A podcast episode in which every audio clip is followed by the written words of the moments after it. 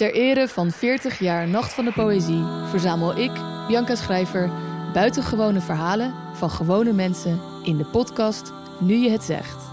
Verhalen over veranderende vriendschappen, kleine heldendaden en ook over wachten op de dood. Ik bedoel, ik heb zeven jaar geleden dacht ik van ja, mijn pensioen ga ik niet halen. Omlijst met de mooiste optredens op de Nacht van de Poëzie hoor je elke aflevering één verhaal. Jullie moeten niet zo lachen, want ik...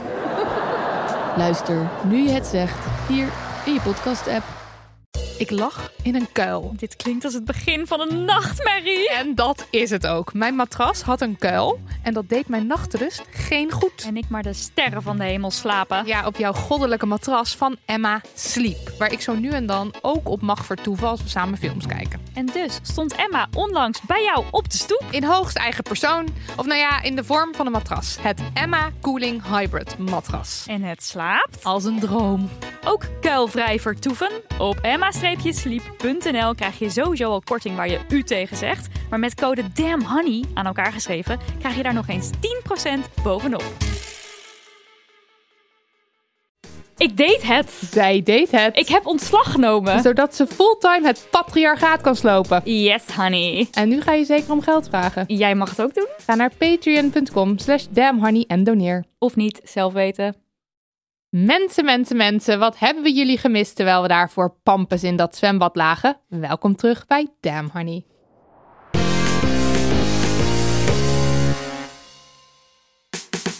De podcast over shit waar je als vrouw van deze tijd mee moet dealen. Mijn naam is Marilotte. En ik ben Lydia. En je luistert naar aflevering 23. En voor deze aflevering deden we iets bijzonders, wat zomaar helemaal verkeerd uit zou kunnen pakken. We nodigden twee gasten uit met dezelfde naam. Altijd handig bij een medium waar geen beeld bij zit. Ja, dat wordt nog wat. De eerste gast die ik aan mag kondigen is historicus en freelance journalist voor diverse vrouwenbladen. Het is Liesbeth Smit.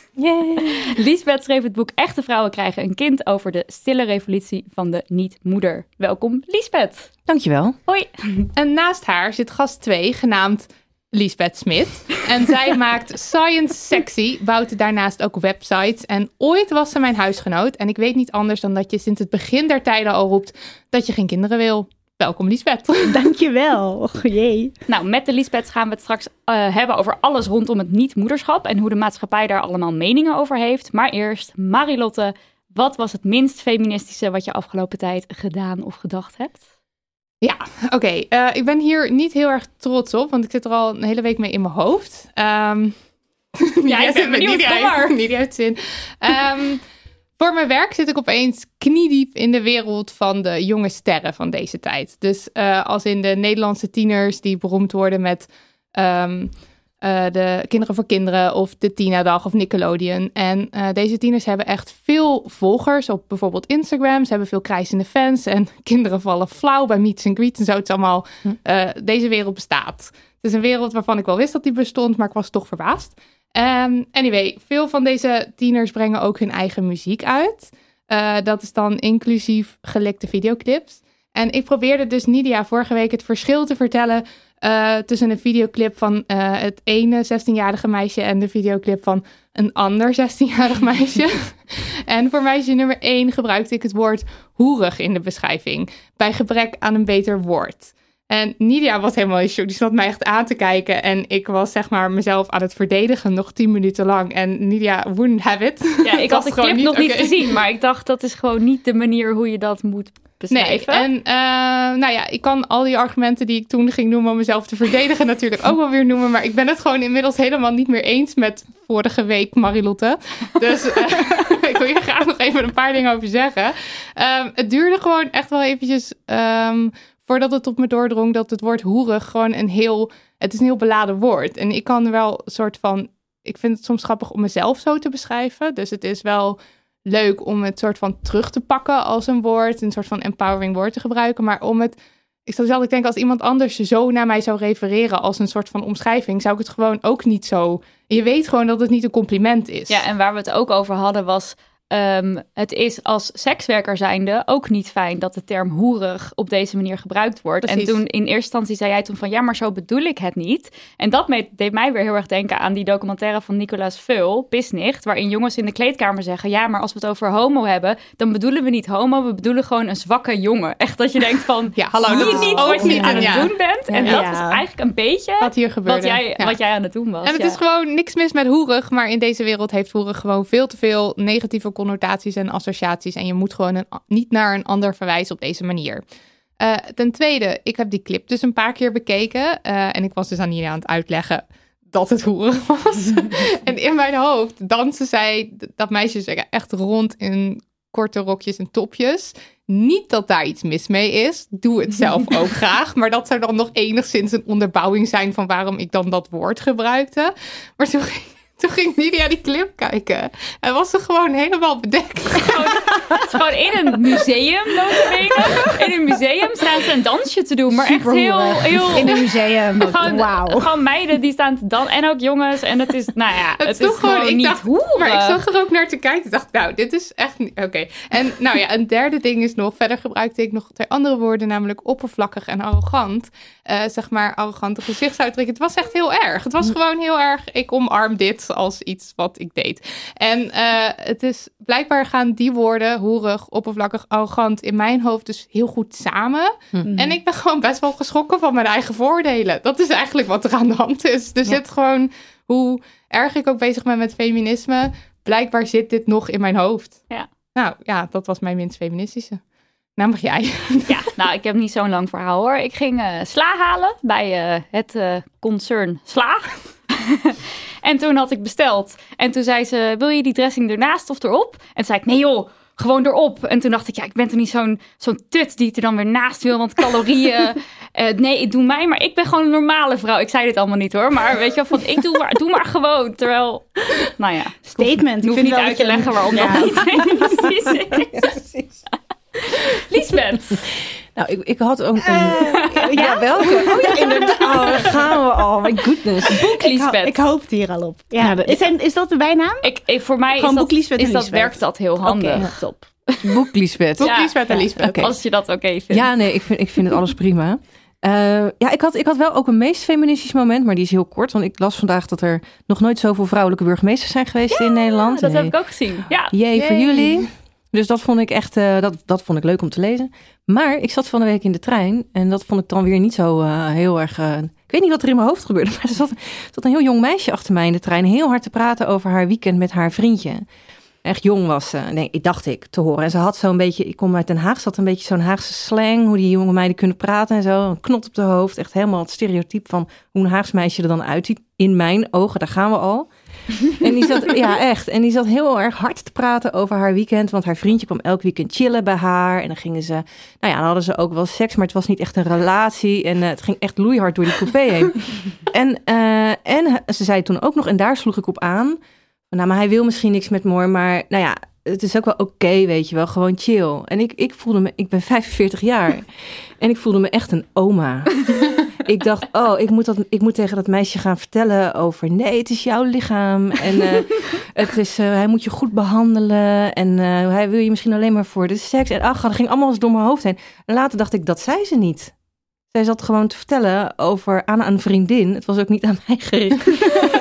Ja, dat, dat zij, hoe, haar, hoe, hoe zij dat deed. En misschien was zij daar wel helemaal top mee, snap je? Ja. Dus ik Ja. ging daar heel veel van maken. Als een soort van, vroeger ging dat, weet ik helemaal niet of dat vroeger anders ging trouwens. Wij deden ook van, we spookten ook van alles uit. Dus ik merkte dat ik een dagje ouder word. Dat had ik eerlijk gezegd een beetje last van. Maar ook dat ik helemaal niet wist waar ik echt naar zat te luisteren. En daar toch wel in mijn hoofd een, een oordeel aan Een aan het oordeel, koppelen ja. was. Dus dat vond ik, ja, waarom eigenlijk? Ja. Goeie. Lisbeth. Oh, ik. Ehm, ik vond dit zo moeilijk. Ik appte Marilotte al in eh, stress. ik weet niks. Maar vanochtend. Gebeurde Was- er iets? Was het gebeurde zover?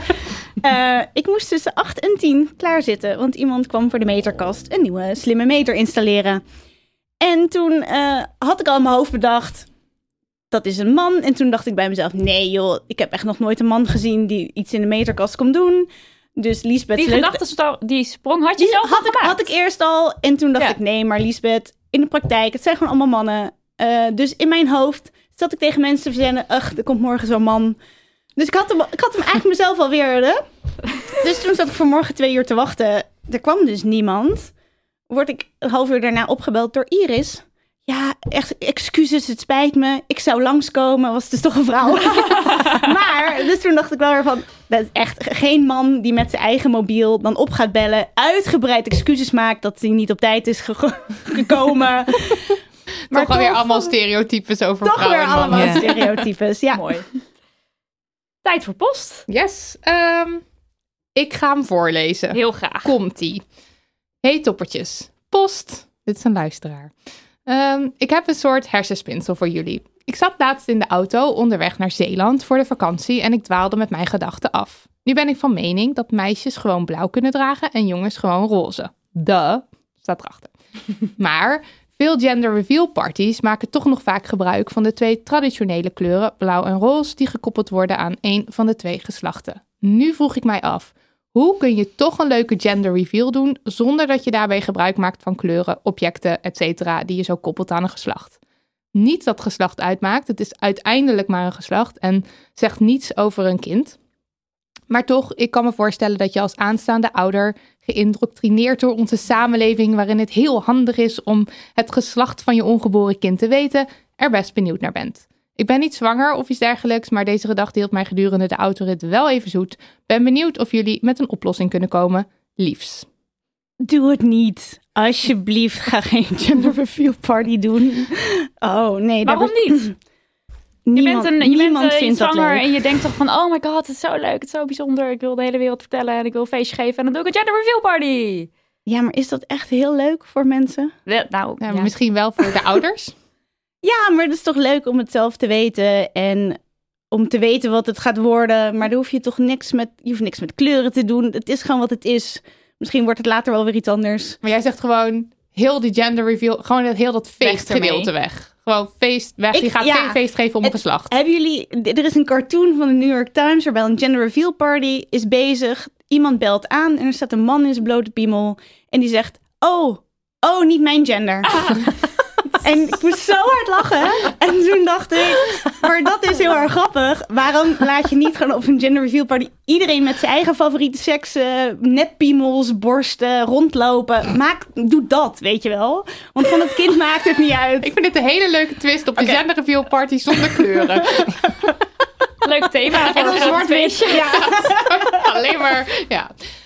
Ja, ik, maar je kan je ook afvragen, hoezo is dat geslacht zo belangrijk dan? Want ehm, ik zat een beetje te denken aan als er collega's van mij, of, of mijn vorige werk, als er dan collega's waren die zwanger waren. Ik werkte op een werkvloer met heel veel vrouwen, dus er, waren, er was regelmatig iemand zwanger. En dan is toch altijd de eerste vraag die ik stel, wordt de jongen of meisje? Ja. Blijkbaar vind ik dat zelf ofwel belangrijk, maar ik vertel het eigenlijk ook gewoon omdat ik niet zo goed weet wat ik anders moet vragen Ja, ik over gebruik baby's. het ook als sociaal opvulmiddel. Ja, precies. Want wat moet je anders Ja. zeggen?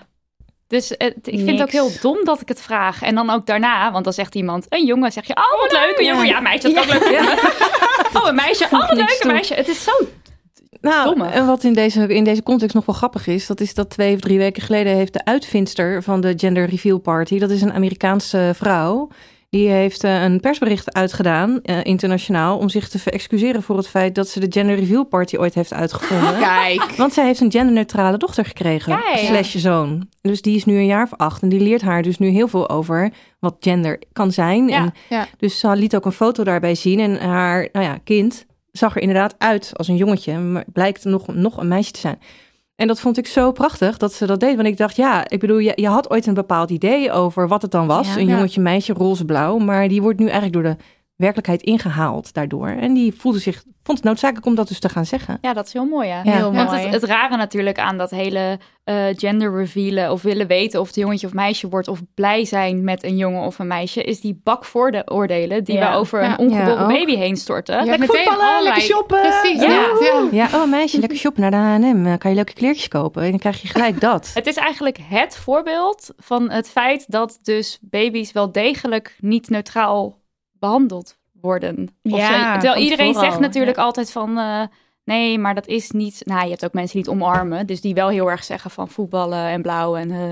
maar ook wel veel mensen die zeggen... nee, maar het maakt helemaal niet uit en ik zie het verschil niet. En dat, al Mhm. dat soort termen en dingen. Ook al dat heb je bakken is aan onderzoek die dat uitwijzen dat er wel degelijk een verschil is hoe we Ja. kijken naar jongens en meisjes. Maar Ja. dat we dus het nodig vinden om een gender te revealen in een party of gewoon op de werkvloer dat jij vraagt, wordt jongetje of meisje? Dat zegt al voldoende. Ja, precies. Dus ik vraag me even een antwoording van de vraag over, dat, Mhm. over dat leuke twist. Ik denk gewoon niet dat er een leuke twist op verzonnen moet worden. Nee, Ik zou afschaffen zeggen, die afschaffen die Ja, handel. ik ook, Gender is a construct, mensen. Ja, dat zou ik dus Ik liever. zag trouwens laatst nog een heel grappig plaatje op Instagram. Dat had iets in de, de tekst was iets in de trant van... Ja, laten we al onze kinderen colorcoden... zodat mensen op straat kunnen zien wat er in hun onderbroek zit. Nou, my goodness. Maar dat, doen- maar dat doen we gewoon. Want dat is wat dat is het wat we doen. Toch grappig? Ja. Ja, ja. Maar ja, ik snap ook, je bent zwanger en je, je wil wat of zo. Ja, het is niet iets wat ik zou Ja, doen. maar verzin zelf een reden of doe iets grappigs. Of Ja. het hoeft toch helemaal niet... je Maar het- mensen ja. hebben het ook natuurlijk nodig om. Tenminste, ik heb het vaak nodig ook om eh, te bedenken als je een cadeautje wil kopen. Want ik weet gewoon, als het een meisje is, dan kom ik er bijvoorbeeld mee weg om een tutu te kopen. En dat Ja, wil jij ik heel graag. Ik wil gewoon heel graag een keer een tutu, tutu, tutu, een paletpak kopen voor een, Een baby. baby. Maar ik weet gewoon dat ouders die een jongetje krijgen, die zitten daar helemaal niet op. Want Ouders zitten er waarschijnlijk sowieso niet op te wachten. Nee. Eh, en ik, dan kom je er nog eerder mee weg als het een meisje is. Daarom vraag ik het stiekem Ik ook. heb dus ook bij baby's, dat ik vind dus eigenlijk heel onzin allemaal, al die vooroordelen. Maar bij baby's val ik echt ontzettend bij cadeaus uitzoeken in die rollen. Want dan denk Ah. ik van, ik had laatst dat ik een cadeautje voor een meisjesbaby moest kopen. Mhm. Toen had ik een heel schattige panda knuffel gezien. Maar toen dacht ik, ja, die zwart-wit. Is dat dan niet te saai? Ja. En toen dacht ik, wat de fuck niet, ja. En toen heb ik hem alsnog gekocht. Maar Ja. want ik ga dan ook heel erg vanuit die ouders denken. Van willen die ouders, vinden die ouders het erg als er een knuffel in Ja, die dat. wagen ligt, waarvan dan misschien niet duidelijk is of het voor een jongetje of mij. Ik ga zoveel domme, rare dingen Maar opeens de denken. baby's zien toch ook alleen maar zwart-wit aan het begin. Dus het lijkt me juist een hele Ja. Panda is een hele goede, hele goede. Ik heb nu voor mijn neefje heb ik een regenboog gekocht. Ja, is Maar even alles. herinneren wij wat wij als baby cadeau hebben gekregen? Nee, het maakt helemaal geen reet uit. Ik weet Geef alles. iets aan die... Ik geloof er Geef, niks van. geef een fles wijn aan de ouders. Ja, precies. Allemaal eruit gemaricondood heb jij Ja, dat. dat is wel waar. Maar, Maar ja. geef lekker inderdaad een massage aan de ouders. Dat geef ik altijd. Ja. Een massage of een Kom massage. je mee? Ja, dat vind ik Want het. hoe zwaar hebben zij het? Geef hen maar een keer wat. Die Heel baby eh, Ja. krijgt dan melk en zo. En zo genderneutraal. Melk en zo. Dat soort dingen. nog meer post. Hey Marilotte en Nidia en de Lisbeths, maar dat wist deze schrijver toen nog niet. Ik vind jullie kijken op de wereld erg inspirerend en ik ben benieuwd naar jullie mening over een probleem dat ik heb. Een paar jaar geleden heb ik nudes naar een jongen gestuurd die ik via Instagram ken. Ik wilde het eigenlijk niet, maar hij heeft mij op een of andere manier toch kunnen overtuigen. Ik was toen 14 en hij ook. Tijdens een ruzie heeft hij die foto's naar mijn vriendinnen doorgestuurd en zo kwamen ze terecht bij de rest van de school. Gelukkig had ik veel mensen achter me en was het snel over. Toch was het wel echt heel erg vervelend. Deze zomer heeft hij weer contact met mij opgenomen om sorry te zeggen. Ik heb het hem vergeven. Dit klinkt misschien heel raar, ik kan het zelf ook niet beseffen, maar hij kon mij er toch weer van overtuigen nudes te sturen. Hm. Ik ben absoluut niet een persoon die zich makkelijk laat overtuigen of die dingen doet die ze niet wil doen, maar toch lukt het die jongen tegen mijn wil in. Mijn vriend is van de situatie op de hoogte. Hij had er moeite mee, maar begreep het wel. Sinds ik het mijn vriend verteld heb, stuur ik niks meer naar die jongen, maar nu dreigt hij weer met het doorsturen van nudes als ik niks meer naar hem stuur. Ik heb geen bewijs dat hij daadwerkelijk ook screenshots van me heeft, omdat het op FaceTime was. En aan de WhatsAppjes lijkt het alsof hij bluft en alleen maar aandacht van mij wilt. Hij belt me soms ook wel twintig keer op een dag, maar ik probeer het te negeren. My god. Wauw, Ja, het gaat nog verder. Ja. Ik durf hem Hoe niet te oud, blokkeren. hoe oud is zij? Ik denk dus een jaar of 17. Nou, dat dat vertelt het 17, verhaal 17, niet, maar ja, een paar jaar geleden was ze zoiets. 14. Ja, dus. precies. Ik durf hem niet te blokkeren door de onzekerheid en voor politie heb ik niet genoeg bewijs. Telkens als hij een appje stuurt, raak ik in de stress en ook al reageer ik niet. Eh, ook al reageer ik niet. Ik en mijn vriend weten niet zo goed wat we tegen hem moeten doen. Hij woont in mijn omgeving, maar zit op een hele andere school en ik zie hem daarbuiten ook nooit. Als deze jongen besluit de foto's door te sturen, schaadt dit mij, maar ook mijn vriend. Ik ben vooral bang voor wat mijn vrienden gaan denken. Eén keer sturen is al erg, maar twee keer? Ik schaam me kapot en voel me superdom de eerste keer, maar nu nog erger. Wat denken jullie hiervan? Kus. Oh, wat erg voor haar. Ja. Nou, Ja. ik, over dat dom wil ik wel meteen even iets zeggen. Want eh, het is als buitenstaander heel makkelijk om te denken van... Ja. Ja. Meid, Ja. eh, je trapt in die valkuil, waarom doe je dat? Maar toevallig hoorde ik laatst in een podcast, namelijk in El Tarangu... eh, van een wetenschapper die onderzoek doet naar Kanmans... dat hij zelf ook Oh, een keer in een soort truc getrapt was... Mhm. als volwassen man zijnde. En het was Mhm. een man die hem dus... Voor, hij kreeg het voor elkaar om 30 kilo appels eh, aan deze wetenschapper te verkopen, terwijl hij dat helemaal niet wilde. Wauw. Oftewel, ja, het is heel fa- fascinerend. Ik zal ook de podcast in de show notes zetten. Oftewel, een vol- volwassen man die zonder echte reden om te weigeren toch geen nee kon zeggen. Hm. Dus het is zo makkelijk als buitenstaander om nu te denken. Meid, Ja. had die foto lekker of had niet je, je shirt omhoog gedaan of whatever. Want het is, het is op video gebeurd als ik, de, als ik het berichtje goed lees.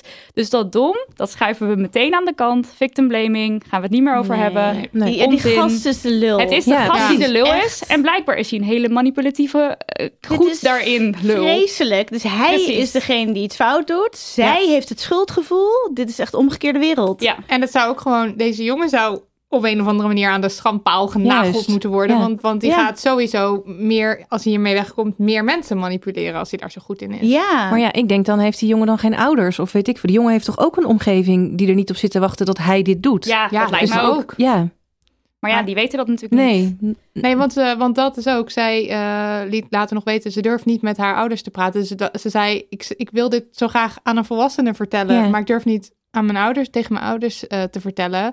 Dit is dus iets wat nu speelt eh, tussen haar en haar vriend en dan die jongen. Dit, verder Ja. weet waarschijnlijk niemand hiervan. Oh, ik vind het heel eenzaam. ja, Ja. ik ook. Maar die gast wil gewoon aandacht. Ja. Ja. En Ja, je dat kan lijkt hem erop, gewoon compleet negeren. Ja. Echt compleet Ja, blokkeren. negeren. Ja, blokkeren. blokkeren die hap. Want hij zorgt ervoor dat zij een naar gevoel hierbij krijgt. Ja. En dat doet hij door met haar contact op te nemen, te Ja. bellen, niet opnemen. Blokkeer die handel. Ja, gewoon meteen blokkeren. Ik weet ook zeker dat dat helpt als je hem blokkeert. Ja. Misschien voelt, het, voelt het eng, maar ik denk wel echt, het gaat je van zoveel stress verlichten. En eigenlijk, ehm, ook al is het dus heel eng, maar ermee naar een volwassene gaan, dat is wel eigenlijk, eigenlijk stap één die Ja, je zou ja. moeten ondernemen. En eh, we zijn heel blij dat je de brief hebt gestuurd, want daardoor heb je al een stap gemaakt die misschien al heel spannend was. Maar probeer naar een vertrouwenspersoon op school is er altijd en die zal, niet, die zal daar niet zomaar over gaan praten met je ouders. Je kan misschien een ouder van een vriend of vriendin of misschien een tante of oom Ja. die dichtbij je staat of iemand waarvan je denkt, die zal mij, die zal dit oké vinden Ja. om En- hierover te praten. En, en own it. Dus hij kan je alleen maar chanteren als jij wil dat er iets niet gebeurt of dat hij iets doet. Als jij het compleet ownt, dat, die, dat dit bestaat en dat, dat tientallen, duizenden, miljoenen vrouwen ook nudes sturen. Dit is heel normaal. ja, Ja. Dit gebeurt. Ja. Als jij het ownt en je daar niet door, dan kan hij niet chanteren, krijgt hij geen aandacht. Behalve Eh, dan misschien dat hij een manipulatieve lul is en dat Ja, hij dat gewoon niet zeker. zo moet doen. Nou, dat is Maar hij het zit, het zit een beetje in, het zit ook een beetje in de categorie waar jij net over begon, weet je wel, over hoerig en zo. Over dat op het moment dat jij als vrouw gewoon je seksuele identiteit laat zien, op wat voor manier dan ook, dan, dan kun je dus gechanteerd worden. ja, dat, als- is, dat is zo kwalijk. Dat is Terwijl- vreselijk. En wat doet hij dan? Hij vraagt er toch om. Het is, het is 50. Weet je, dat gaat, dat gaat toch gelijk op. Dat is, zij is daar niet nu ineens. Het, het, het, hoe zeg je dat? De mindere partij in. Hij is. N- Daar Ja. was daar, dat bedoel ik. Ja, precies. Gedachtegang. Ja. Als wij dickpics zouden krijgen, zouden wij die dan gebruiken om die man te chanteren? Ja, wij voelen een soort van Nee, nee, precies. en scha- en schaamte volgens mij is daar ook. Als wij dickpics krijgen, of Maar- in ieder geval als vrouwen dickpics Maar die krijgen. man interesseert het toch volgens mij niet heel erg als wij die dickpics gaan vers- verspreiden? Nee, Is dat dan een ding? Nee. Is het andersom een ding? Nee, Ja. denk ik Nee, niet. Maar misschien wel dus een- onder ja. jongens die wat jonger zijn. Zeg maar, volgens mij kan je als, als je als 16-jarige jongen wordt gechanteerd met een maar je weet ook niet of bijvoorbeeld haar hoofd ook te zien is Mhm. natuurlijk. Nee, dat, ik snap dat het natuurlijk Dus, anders is. ja. Ja. Want als je een Ja. dikpik krijgt, dan kan je wel zeggen, dit is de dik van Jeroen. en dan is iedereen van, oh, Jeroen. Ja, Jeroen. Maar Jeroen zegt gewoon, nou, die van mij ziet er heel anders uit. En dan heb je... Heb je Ja, dat is Ja, waar. klaar. dus dat, ja. Maar het Ik weet het niet, hoor, of Ja, haar nee, want die is, maar- seksualiteit en naaktfoto's Ja, van vrouwen zie je overal. Ja, de hele stad hangt er niks vol mee. mee. Natuurlijk is zij veel te jong. Dat moet helemaal niet oké zijn. Maar Nou, het moet kant, niet oké zijn om het te verspreiden. Nee, dat is haar seksualiteit bloot, ontdekt. Het is, echt, Ja. het is helemaal prima, Ja. meisje van de brief. Maar- Ja, en je bent prachtig. Misschien nog heel eventjes leuk om te pluggen. Er komt bij eh, onze uitgeverij komt er een boek uit. Het heet, eh, heet, volgens mij heet die ook Frantine. Van, Nee, van- nee, nee, nee. nee, nee. Oh. Ik, weet, ik weet nog niet hoe het heet. Maar Oh, er het is dus bij uitgeverij Blossom Books. En het is geschreven door Francine Regeling. Ah. En zij was 15 toen ze Ja. op de webcam haar borsten liet zien. En zij dacht, eh, ik stuur screenshots daarvan via MSN nog, cute. Eh, Ja, naar die jongen en dan kan die jongen daar naar kijken, punt. Maar ja, dat was dus niet zo en het hing door de hele school heen. En zij gaat nu bij Blossom, als ik het goed heb begrepen, een soort gidsje schrijven van als mij dit overkomt. Ja. Wat kan je dan Oh, doen? Tof. Maar zij heeft hier al een keer een boek over geschreven. Dat heet, heet Francine, laat je titel nog eens zien. Dus dat zou de, deze brievenschrijver misschien kunnen lezen. En je kunt gewoon haar naam googlen als je het boek niet wil kopen of dat eng vindt of iets. Eh, want zij heeft ook allerlei interviews gegeven en je kan haar volgen op Instagram. En volgens mij kan je haar ook wel een berichtje sturen, want dat krijgt Ja, ze geloof ik regelmatig. Hm. Eh, en maar haar tip nummer één eh, is geloof ik ook van ga, ga toch alsjeblieft met iemand erover praten die wat ouder is. Ja. Dus ehm, ja, heel veel sterkte. Ja, En ja. we are Ja. on your side, girl. Zeker.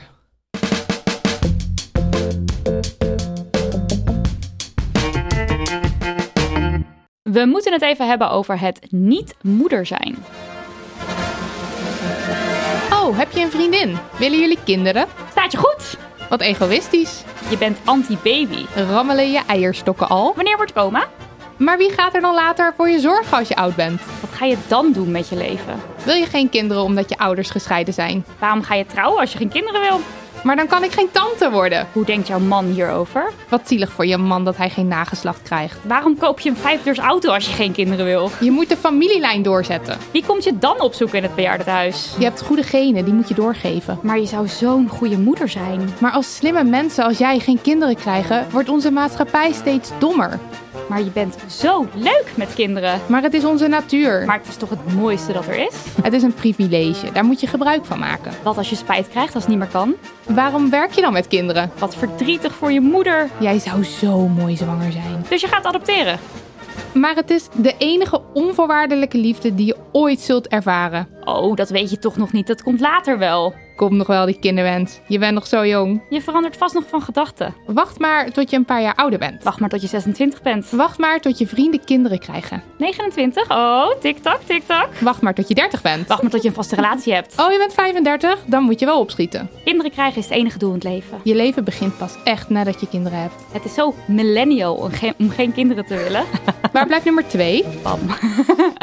ja, dit is dus een hele lijst aan opmerkingen, eh, echte opmerkingen, die we gekregen hebben van allerlei volgers, luisteraars. Toen we eh, zeiden van, we gaan het hebben over het onderwerp het niet-moederschap.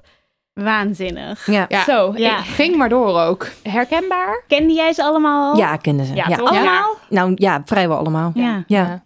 Ja, niet om, om, om zo van Ja. moet je meis kijken, maar er zitten er heel veel van in mijn boek. En nadat mijn boek uitkwam, zijn er nog heel veel overheen gekomen van vrouwen die zeiden, oh, deze had je nog niet. Dus het is echt een, een kleurrijk palet. Paar ze allemaal. Ja, Ja. Het is, je Ja. kunt er ook kwartetspel van maken, ja. Oh, dat is wel een leuk idee. Oh, laten we dat doen. Maar, maar eh, nou, het, lijkt mij, het lijkt mij duidelijk dat het een thema is dat leeft als je dit allemaal zo hoort. Maar toch even de vraag aan jullie. Waarom is het zo belangrijk dat we praten over niet moeder zijn? Dus dat we praten over iets wat niet is. Ja, wie begint er? Ja. Lisbeth. Oké, ik Lisbeth? beginnen. Ik vind het... Ja, joh. Dit is... Ik ben er nu eh, twee weken heel actief mee bezig. en eh, dit is de eerste keer in mijn hele leven dat ik het er zo over heb. Ik ben altijd degene die raar is, anders, oh weer geen kinderen. Weet je, het is... Ik wil nooit andere vrouwen ontmoet die ook geen kinderen willen. Het, is- het is waanzinnig. Ja, dat, En, die, ik- en, die, en die, die, die, die komen niet naar boven, of Nee. die zeggen het niet, of die hebben het er niet over. je ziet ze ook niet. Je hè? ziet ze niet, ze zijn onzichtbaar. Zijn, ja, ze zijn echt onzichtbaar. Het is op zich wel weer een kunst om onzichtbaar te zijn tegenwoordig. Dus ja, het, is- het, het kan echt niet. Er zijn ook allerlei stereotypes die vasthangen aan het niet moeder zijn. Ja. Toch? Want als je ze dan wel een keer ziet, dat staat ook heel eh, mooi in jouw boek, een lijstje met allerlei eh, niet-moeders die Ja. in films en series zitten. Ja. En Zijn- kan je daar iets over Nou, vertellen? en als we dan worden gerepeteerd, ik ben het helemaal eens met wat Lisbeth zegt. Er zit ontzettend veel onzichtbaarheid in deze groep, terwijl we met belachelijk veel zijn. Het is één op de vijf. Het gaat om echt heel veel vrouwen en mannen die je dus niet hoort. Waar zijn ze? Waarom laten ze zich niet horen? Nou, dat komt dus door dit soort opmerkingen. Want ga daar maar even een reactie op geven, zonder Mhm. dat je, weet je wel, jezelf heel erg moet stretchen of het gewoon, of het gewoon on- ongemakkelijk is. Eh, maar als we dan eh, worden getoond, je moet er even op gaan letten om het te zien. Nou, dan zijn we gewoon levensgevaarlijk. We zijn knettergek en we zijn, we zijn moordlustig. Dus wij zijn dan Glenn Close in eh, Fatal Attraction. We zijn hypernerveuze Ellie McBeal. We zijn seksverslaafde Samantha Jones in, in Sex in the City. Als je er echt op gaat letten, of we zijn een heks. Eh, Miss Marple heeft ook geen kinderen. Nou, dat is echt het archetype van een heks. Platte schoenen, verstandige jurk, weet je wel. Geen vrienden. Platte schoenen ook. Echt je dat niet dat, te eh, doen. En als je, eh, ik dacht eerst nog, het ligt aan mij, weet je wel. Ik, ik, ben- ik zit zo in mijn koker voor dat boek. Ik, ik, dit kan niet waar zijn, maar het is echt, we hebben echt een representatieprobleem. En dat komt in mijn ogen omdat het krijgen van kinderen in deze tijd, het niet krijgen van kinderen, daar worden twee hele grote emoties aan gekoppeld. De eerste is schuld. Als je geen Ja. kinderen krijgt, dan moet je je schuldig voelen, want je bent egoïstisch. Ja, dat Ja, die snap, snap- ik nee, oprecht snap niet. ik Wat bedoelen Nee. mensen daarmee? Ja, je bent niet in staat om liefde, om, om, om voor iets anders te zorgen. Het gaat alleen maar om jou in het Oh, leven. is dat, Dat bedoelen Ik- ze. Oh, Je kunt jezelf niet opofferen. Ja, nee, je bent, je bent niet in staat om... Ben je ook om niet aardig tegen andere mensen als je geen kinderen hebt? Anti-kinderen. Nee, Je bent niet oh, vriendelijk, je hebt geen warme gevoelens. Je, je Nee. zult dus ook nooit liefde ervaren, hè, want je weet niet wat dat is. Dat, nee, dat geen heeft- liefde. Wij huilen ook nooit. Nee. Geen emoties. Nee. Is wel en dat, zo.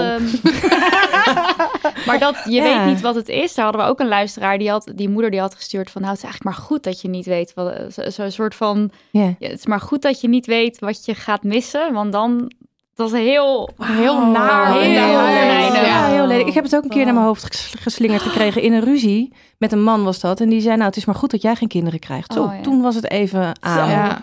En toen zei jij, nou, Heb je inderdaad hartstikke goed. Ik ben blij om dat ik geen kinderen krijg. maar het is een soort vreemd koude, harde, Ja, je wordt vrouw. echt beschuldigd als een harteloze ijskoningin. Nou, als je zo. zegt dat je het dus niet wil, hè, dan gaat Ja, die schuldkaart spelen. Zo van. En aan de andere kant staat heel veel schaamte. Je wordt gewaarschuwd voor eenzaamheid. Wie gaat er voor je zorgen? Doelloosheid in je leven. Wat, wat ga je dan met je leven doen, hoorde ik net zeggen. Nou, bizar dat je, het uit, dat je het gezegd krijgt. Eh, maar er is een soort van pas jij maar op. Wie gaat straks je billen wassen? Want je eindigt alleen, eenzaam en ongelukkig. Dat, is, dat zijn echt die twee polen waar, waar die hele stereotypering rond kinderloosheid over gaat. Ja. Nou, ga daar maar eens echt een antwoord op geven. Dat is super ingewikkeld. Want de meeste mensen krijgen kinderen. En deze opmerkingen, toen ik mijn boek schreef, toen heb ik ze allemaal opgerakeld. En toen dacht ik bijna, overdrijf je het nou niet een beetje, Lies? Want ik bedoel, ik heb ze sommige wel gekregen, niet allemaal, maar ik kreeg ze aangereikt. Maar toen het uitkwam, was dat precies waar iedereen over begon. Van, oh, eindelijk is het gezegd en ik heb er nog veel meer. Dus dit is echt heel reëel, wat Ja. jullie net opnoemen. Ja. ja, dat zijn ook echte mensen Ja. die dit ingestuurd hebben. Maar Dus- ja, ja, we ja. hebben niet zelf even, oh, we grappig. We, we knallen even een Nee, ja. carouselletje in Precies. elkaar. Wat natuurlijk ook, wat we ook hadden kunnen doen. Want je kan wel het een en ander bedenken, maar we zijn zo overladen. Ja. Eh, en dat stukje met, eh, wacht maar, Ja. jij weet, jij kan dit is- niet zeggen. dat, oh, dat, dat raakt toch iets, dat is toch naar? Ja. Hebben jullie Ja. dat zelf ook, eh, die opmerking gekregen? Ja, ik heb wel dat mensen zeiden van, oh, dat kan nog veranderen. Ik echt denk, nou, Ja. Maar het, dat het is, toch Maar het raar? is toch zo, het kan veranderen, maar dat maakt toch niet dat jouw gevoel nu dat je geen kinderen wil niet telt. Dat is, het is altijd een soort van. Ja. Het is wegzetten van wat jij nu zegt, dat, dat kan Het helemaal is gewoon niet. dat totaal geen niet. respect voor Nee. een keuze van Ja. iemand anders. En je wordt niet serieus, het is gewoon niet serieus genomen Precies. worden. Het Dat is alsof je een het. soort van in een delusional fase bent nog, Ja. maar straks dan kom je eh, in de realiteit Ja. terecht en dan krijg je Dan je natuurlijk zien. kinderen. Ja, dan En dat- kom je tot je zinnen. Dan ben je tot zinnen gekomen En, en alleen mensen die tot zinnen zijn gekomen willen, Willen een kind. Ja, Ja, en ook dus dat het gesprek over, over twijfels, of dat je zegt van nee, ik wil het gewoon niet, eh, dat dat eigenlijk altijd uitmondt in een gesprek waarin je overgehaald dient te Oh, worden. nou, ik niet in hoor. plaats van Nee. nee. nee, maar niet vanuit degene die zegt Ja. van ik wil het niet, maar vanuit de ander. Dat is ook dus Ja, wat ja. mensen aan ons lieten weten. Dus dat Oh, de ander gaat proberen jou te over te halen. Dat je denkt van Waarom ook? niet handig om met zo'n groot iets in je leven Nou, om dat op te tip, gaan leggen bij iemand. Dan moet je gewoon keihard... eh, bij mij wordt, wordt er niet over gehaald. Ik begin keihard te lachen. Ik denk, ah, kinderen, ja, doe normaal. Ik ga, Maar ik denk dus kinderen wel, krijgen. jij bent daar best wel uniek in hoor, hoe jij Ja, daarop reageert. Want jij Ja. vindt, jij kan er, jij kan, jij hoort het aan en jij kan er naar luisteren met een soort van vermakelijke afstand of zo. Eh, Ja. En dan geef je hem het- gewoon terug. Omdat het voor mij oké is. Maar dan hoor ik dus ook terug van mensen die dat dan zeggen. Omdat ze het zeggen. Hè? Dit zijn gewoon zinnetjes. Voorgeprogrammeerde zinnetjes die mensen zeggen. En toen zei een keer iemand... Jeetje. Oh, jij wil ze echt niet. Oh, wat verfrissend. Oh, wat leuk. Is voor het eerst dat ik dit hoor.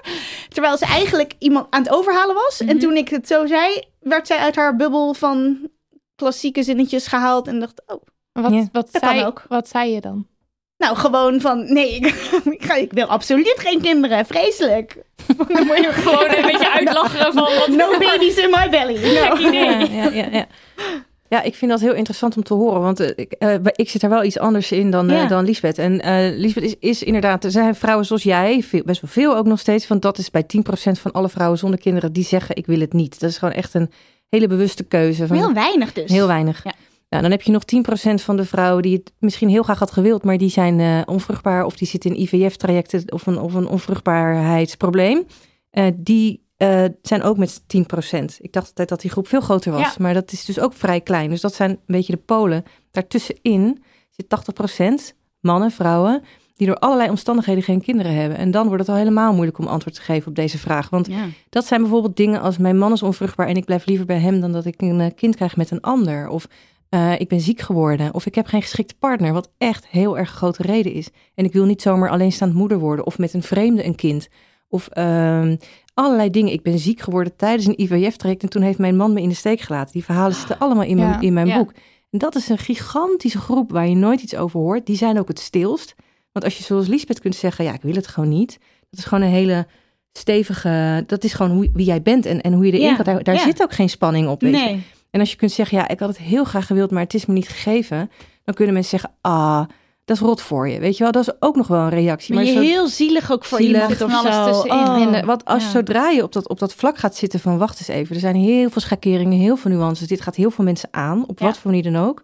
Ja, dan wordt het ineens een kwestie van, oh, eh, er, is, er is veel meer over te zeggen dan alleen maar, oh, ze wilden het niet of oh, ze kon het niet. Ja. Ja. En wij, jij hebt eh, in je boek noem je geloof ik dat er iets van 300 redenen op jouw pad zijn gekomen Ja. van mensen. Wij hebben ook deze vraag eh, gesteld, dus we hebben ook wat reacties daarop gekregen. Leuk. Eh, en ook weer van alles wat. Dus de, de eerste was met al het racisme, global warming, kapitalisme en neoliberale gekloot op de wereld, denk ik niet gauw, goh, laat ik nog een bruine baby op de wereld brengen.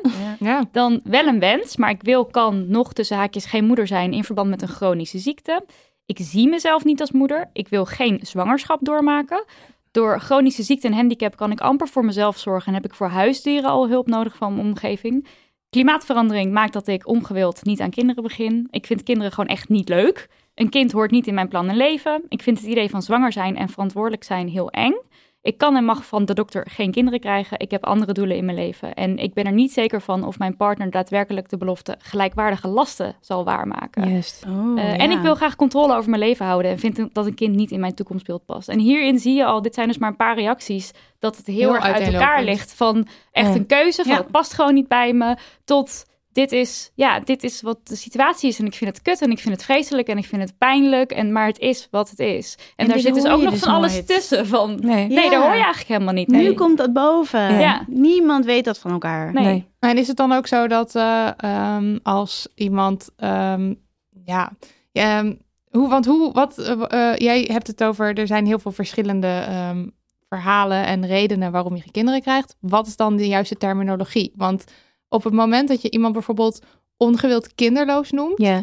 dan eh, trekken mensen denk ik heel vaak de conclusie, oh, die kan geen kinderen krijgen. Nou, de, de, de, de woorden die we gebruiken voor het niet hebben van kinderen in Nederland, maar wereldwijd hoor, die zijn gewoon eh, eh, onnodig lelijk. Het, het is kinderloos, er zit al gelijk loos, gebrek, gemis gat, in. ja. ja. Gat, het is ook niet een woord, ik heb me daar nooit mee willen associëren. Hoi, ik ben Liesbeth, ik ben kinderloos. Nou, sorry. Ga ik echt nooit zeggen. Dus ik, toen ik daarmee met mijn boek begon, dacht ik, waarom is die taal zo lelijk? Onvrijwillig kinderloos. Eh, nou, Ja. dat, de, en dat wordt dan afgekort met de oké-vrouw. Dat is dan helemaal een Ja. mindfuck, want daar is dus niks aan. oké. Maar we zijn heel slecht nog in, eh, en dat is geen aanklacht, we hebben het gewoon nooit goed geleerd. We, hebben, we zijn heel slecht in die termen een beetje verzachten, een beetje mooier maken, zodat er wel een opening voor een gesprek komt. Eh, want ik heb het gewoon maar over mensen zonder kinderen. Want je weet gewoon niet wat erachter zit. En als je zegt, ik ben onvrijwillig kinderloos, kan het ook zijn omdat je man onvruchtbaar is en jij dus voor hem hebt gekozen. Dus binnen dat onvrijwillige kan altijd nog een keuze zitten. Ja, Dat is bij mij zelf ook gebeurd. Ik had het leuk gevonden om moeder te worden, een tijd in mijn leven. Dat is niet gebeurd door allerlei omstandigheden. En door in de jaren die daarna kwamen, heb ik er alsnog echt voor gekozen van... oké, maar dan sluit ik het af, want ik wil gewoon ge- wel gelukkig worden. En dus niet mijn hele leven een onvervulde kinderwens achter me aanslepen. Dus er is werk aan de winkel. Ik moet daar gewoon mezelf in gaan leren verhouden op een manier. Ja. En dat een goede, gezonde plek geven. Dat is, dat is kinderloosheid voor mij. En dat is, is iets heel anders dan ehm, in hele harde, duidelijke, afgebakende termen. Je bent egoïstisch of eh, dat heeft er vaak helemaal niets. Nou, niet, dat heeft er niets mee te maken. Nee. Nee. En nou, wat jij net zegt, het is eigenlijk het tegenovergestelde wat, wat mensen zeggen met... Oh, maar wacht maar, het komt nog wel. Eigenlijk heb je het tegenovergestelde. Jij hebt het ooit gewild en nu wil jij het niet meer. Ja, Dus jij hebt hem precies tegenovergesteld. En dat mag er ook, dat is ook oké. Ja. Maar dat vinden mensen dan ook weer moeilijk. Denken ze, oh, maar weet stiekem niet toch? Oh, toch? maar dat geloven ze ook niet. Ik, ik Oh, heb helemaal niet het idee dat ik daarin word geloofd, maar dat is best, weet je. Ik bedoel, ik, Ja. ik heb dit zo doorleefd. Er is een heel boek uitgekomen. Ik, voor mij is het goed, weet je. Ik, ik weet wat ik, wat ik bedoel en zeg. Wil niet zeggen dat ik er geen gevoel bij heb. En dat is iets anders. Ja. Ja. Weet je, het, tuurlijk heb ik daar emoties bij. En is het soms de ene keer dat ik denk, oh ja, god, die herinnering, weet je wel. Maar dat wil niet zeggen dat die beslissing niet in alle redelijkheid en duidelijkheid gemaakt is. Ja, Ja. ja, misschien wil je juist. Ik denk dat mensen zonder kinderen heel veel uitdagingen hebben in hun leven. Het gaat ook over rouw, hele specifieke rouw. Nou ja, het zit allemaal in mijn boek. Het gaat ook over je leren verhouden in een wereld waarin iedereen wel kinderen krijgt, jij niet. Dus die opmerking is er één van. Die stereotypering is er één van. De taal is er één van. Dat gaat je hele leven mee ook nog eens een keer. Da- daar, die mensen hebben nogal wat in hun leven waar ze zich in hebben te relaten. Hè? Ja. Het is helemaal niet eenvoudig. En het wordt heel simpel, bijna kinderachtig wordt daarover, doen we daarover. Over zo'n grote groep mensen die je dus niet hoort. Ja, ik kon er echt niet over uit. Toen ik mijn boek ging schrijven, dacht ik, ik zit op iets. Maar eh, het is een soort vulcano. Weet je wel, dit, als je hier echt goed naar gaat kijken, hoe waanzinnig groot en, en ingrijpend dat is. En in mijn boek zeg ik dus ook in het begin, geen kinderen krijgen is voor een vrouw, en ook voor een man trouwens, maar ik hou het even bij vrouwen. Geen kinderen krijgen is voor een vrouw net zo levensbepalend als ze wel krijgen. Ja. Ja. En dat vond ik een interessante, want je zou, eh, nou ja, ik eh, als iemand die er nog niet heel erg ingedoken ben, dan zou je kunnen denken van, nou, dat, dat kies je dan, punt. Ja, precies. Ja. En, dan, en, dan, en dan gaat je leven verder. Ja. Koffie en in of jouw thee? boek las ik, ja, Prima. Zo in jouw boek las ik dan van nee, het is, een, het is iets voor het leven lang. En het zijn eigenlijk twee paden die bewandeld worden. En over het ene Ja. pad lees je, zie je alles. Gaat het de hele tijd Ja. over. Ook aan de lunchtafel overal. We hebben het over kinderen, kinderen, kinderen. Maar jouw kant wordt eigenlijk heel erg onderbelicht. En daar is heel weinig, weinig ruimte voor. Ja. Om daarover te mogen praten. Ja, alsof je leven een soort van verder gaat zoals het altijd was. Maar dat is natuurlijk helemaal niet zo. Want je hebt, je hebt dat, dat onderwerp bij je Ja, en, en je omgeving verandert. En dus moet jij je daar weer zien toe te tegen- verhouden. Ja. Ik heb het eerlijk gezegd nog nooit zo bekeken. Dus dat is ook Ja. wel weer een eye-opener voor mij hoor. Dat je als vrouw zonder kinderen dus ook heel wat te verwerken hebt. Zelfs al is het bijvoorbeeld misschien ook al, ook al is het een keuze of wat Ja. voor reden het dan ook is. Dat Ja. je dat gewoon met je meeneemt je hele leven lang. Want je, dat je er tegen vecht of zo, tegen de maatschappij vecht, omdat je constant te maken hebt met al die voordelen, dat wist ik wel. Maar dat het pad zo onderbelicht blijft, dat was echt wel een. eh, Ja, het zijn twee hele grote parallele paden. ja, Ja. Die, die heel erg en ja, ingrijpend. Ja, je bent ook, ik ben al mijn hele leven kinderloos. Ja, natuurlijk, iedereen is totdat ze kinderen krijgen, hebben ze geen kinderen. Het is Ja. eigenlijk heel raar dat Ja. je dan opeens hebt. Oh, hoe ziet je leven eruit? Ja, zoals altijd. Heel gek eigenlijk. Dat is helemaal Maar- terecht Ja. wat je zegt. Aan de Ja. andere kant had je ook drie andere keuzes kunnen doen. Maar ja, ik had ook wel of niet gaan kunnen studeren. Ik had ook in een ander land kunnen gaan wonen. Weet je wel, er zijn allemaal parallele paden. ja, Maar we horen dus alleen die ene. ja. Nou, beschrijf je ook het zoet en het zuur Ja. van het eh, niet-moederschap. K- kan je daar iets over vertellen? Ja, kijk, Het het zoet. Wat is het zoet? Oh. Nee, wacht. Eerst het zuur. Ja, en dan daarna Oh, het zuur. Ja. Eh, nou, wat ik persoonlijk wel een, eh, een, een eye-opener voor mezelf vond, dat was dat eh, als je, ik heb zes broers en zussen, een deel daarvan heeft kinderen gekregen en ik zie mijn ouders in een opa en oma rol. En dan dacht ik, ah, dat is toch echt wel even een verschil. Ik bedoel, ik ben nog steeds Ja, hun dochter, ja, we hebben een goede ja. relatie met elkaar, maar ik zie gewoon hoe, ze- hoe zij daarvan genieten, van het feit dat ze opa en oma zijn geworden. En ze zijn geen opa en oma geworden van mijn kinderen, snap je? Dus dat Mhm. is gewoon een verschil. Ik zie het ook in de communicatie met mijn zus en mijn broer, dat is anders dan, Ja, dan ja. Ja. Ja, herkenbaar. Nou, en dat is niet altijd. het- Je kan ook denken, eh, ja, ik heb lekker vrijheid. Maar dat is dan, je voelt dat. Dat die, dat die kinderen krijgen heeft ook te maken met voortgang, stamboom. eh, weet je, de familienaam Hmm. doorgeven. Hm, Die vond ik persoonlijk net even wat minder. Oh ja. Ehm, ja, en het voor, de voordelen, eh, ja, die zijn er natuurlijk ook. En, en voor mij is toch echt de allerbelangrijkste dat ik echt verstoken blijf van het eh, schoolplein. Ik heb de luizenmoeder heb ik eh, gevroten, echt. En ik dacht, zo, ze hebben die serie gewoon voor mij gemaakt zonder dat ze het wisten. Want Ja. dat gemeut op dat plein en met die participatieavonden. En mijn zus heeft twee kinderen, die herkenden alles. Ik zat de hele tijd met haar te appen tijdens die, tijdens die uit. Die zei, ja, zo is het. Hoogbegaafde kinderen. Wat een hel. Ja, wat een... Oh, Oh, en die wat moeder ouders. En wat ze elkaar allemaal aandoen. En ook van, eh, nou ja, die ene is dan kinderpsycholoog. En dat die ander zegt, nou, dat zou je ook niet zeggen. Weet je, dat gaat. Maar dat- ze hebben het natuurlijk zo geschreven. Dat ja, scenario. Je hebt het een beetje opgeblazen. Maar het was, het was zo ijzersterk. Het was zo'n succes, denk ik. Omdat iedereen dacht, halleluja, zo is het maar net. Weet je wel. Ja. Op zo'n Ja. schoolplein word je natuurlijk ook geconfronteerd met allemaal mensen waar je misschien helemaal geen zin of een Ja. verband of Ja, iets mee ja, hebt. Je ja, moet ja. wel. Je moet wel. Ja, en Ja, dat want- kan je wel redelijk vrij van blijven op het moment dat je niet naar een schoolplein Ja gaat. hoor, ja, dat vind ik echt wel echt heel, heel goed voor Eerlijk gezegd, ja. Heb jij daar ook voorbeelden van? Van zoet of zuur? Rondom... Ehm, ik vind er eh, eigenlijk niks zuur aan. Eh, het enige wat ik er zuur aan vind, want ik zat echt even te gaan, wat vind ik dit, vind ik er iets lastig aan, is dat ehm, iedereen omheen wel kinderen krijgt en ik die nooit meer zie. Oh, Die ja. Heel ja, schrijnend. Ja. Ik word er echt heel erg verdrietig van als er weer iemand baby's krijgt. Ik zie ze gewoon niet meer. Een ander leven. Die gaan inderdaad staan op het schoolplein. Ja. En Ja, ik heb andere druk. ambities en ideeën en eh, dingen waar ik het over heb. Dus totaal uit elkaar groeien van al mijn vrienden. Ja. Dat, vind ik, dat vind ik echt heel verdrietig. Maar dat heeft verder niks met mij. Dus voor mezelf, ik ben zo blij. Elke dag als ik wakker word, ben ik echt zo gelukkig dat ik geen kinderen heb. Echt niet te doen. Ja, ik wil echt wel een dansje doen. Ik ben echt heel blij. Goed zo. Maar het is ook als, eh, als eh, niet-moeder word je geacht om mee te gaan in het gesprek over de Oh, ja. baby. Mhm. Dus dat jij daar vragen over stelt en geïnteresseerd bent. En natuurlijk gaan we het hebben over hoeveel slaapjes en...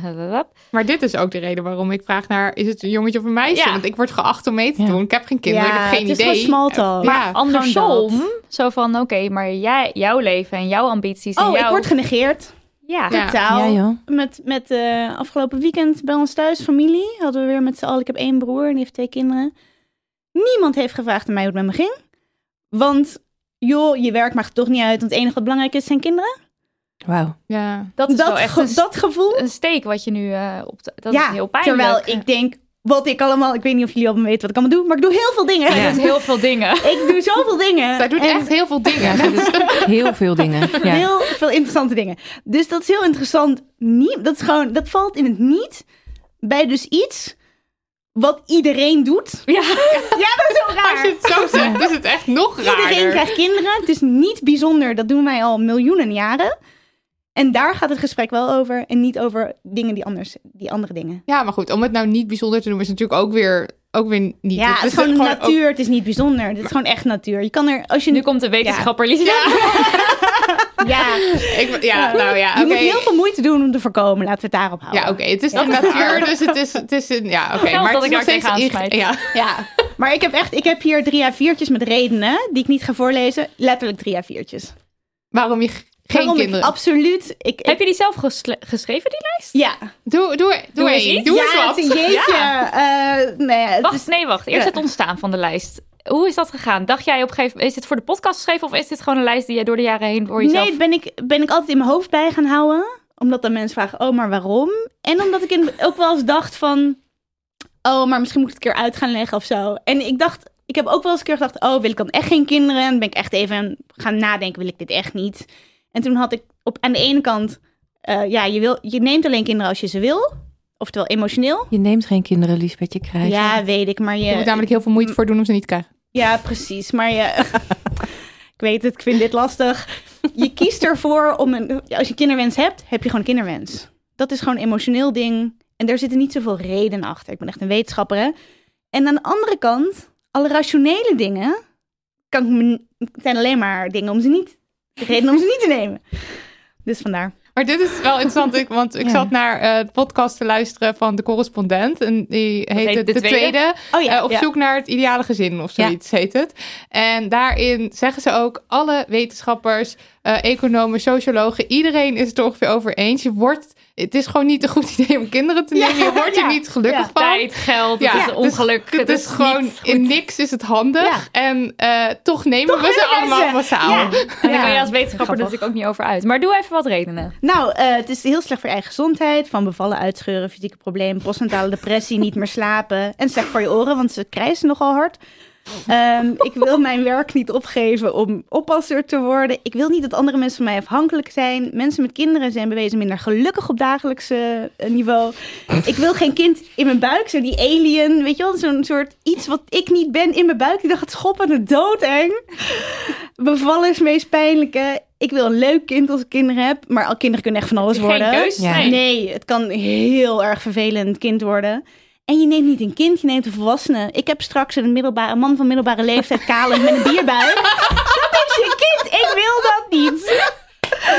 Mensen hebben het over baby's, maar mensen krijgen geen baby's. Mensen krijgen echt tieners die, ze, die hen haten, weet je wel. My goodness. Ja. Pubers. Ja. En, en, en twintigers die niks van hun leven maken, waar je heel nog ongelukkig over bent, terwijl jij al 60 bent, weet je wel. Ja, dit, maar, maar ook heel erg klimaat. Je doet de wereld de kinderen aan en de wereld die kinderen.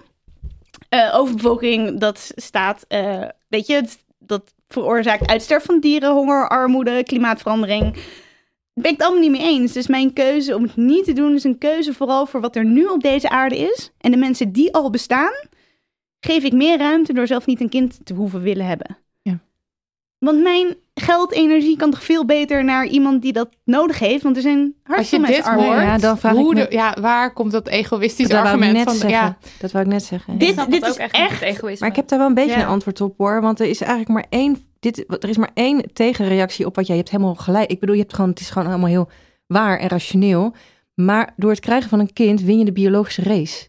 Je, je, wij, wij mensen zijn eh, gemaakt om, om Ja. ons voor te planten. Ja. Dus, en dat zit zo verankerd in dat, in dat lichaam en in die biologie. Dat, dat dat is wat we moeten doen. Dat dat ook nog steeds op een moderne manier wordt dat gewoon uitgestraald. Als je een kind krijgt, heb je, je bent geslaagd. Je hebt, je hebt succes gehad op biologisch vlak. Want Ja. je bent vruchtbaar, er is seks met je geweest. Dus je was aantrekkelijk genoeg. Al die dingen, daar, dat zit er ook onder. Hè? Maar dat is dus erg, want als dat dus niet lukt, kan, wil, Tuurlijk. ben je dus niet geslaagd in En het daarom leven. worden die Oh. vrouwen allemaal als, als totaal gek, labiel, eh, raar, gefrustreerd. Ze worden eh, afgebeeld. Of ze worden niet, gewoon niet geloofd als ze zeggen, I'm fine with it. Sterker nog, als je zegt als volwassen vrouw, ik heb geen kinderen en ik ben gelukkig.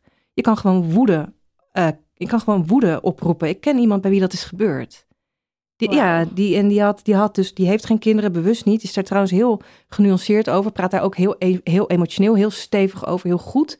Maar die heeft het wel eens naar de kop gekregen. Van ja, eh,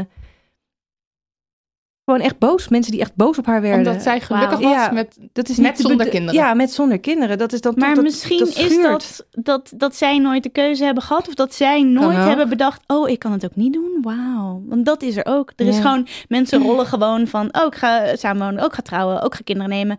En die komen er dan opeens achter, oh jeetje, was dit een keuze? Ja.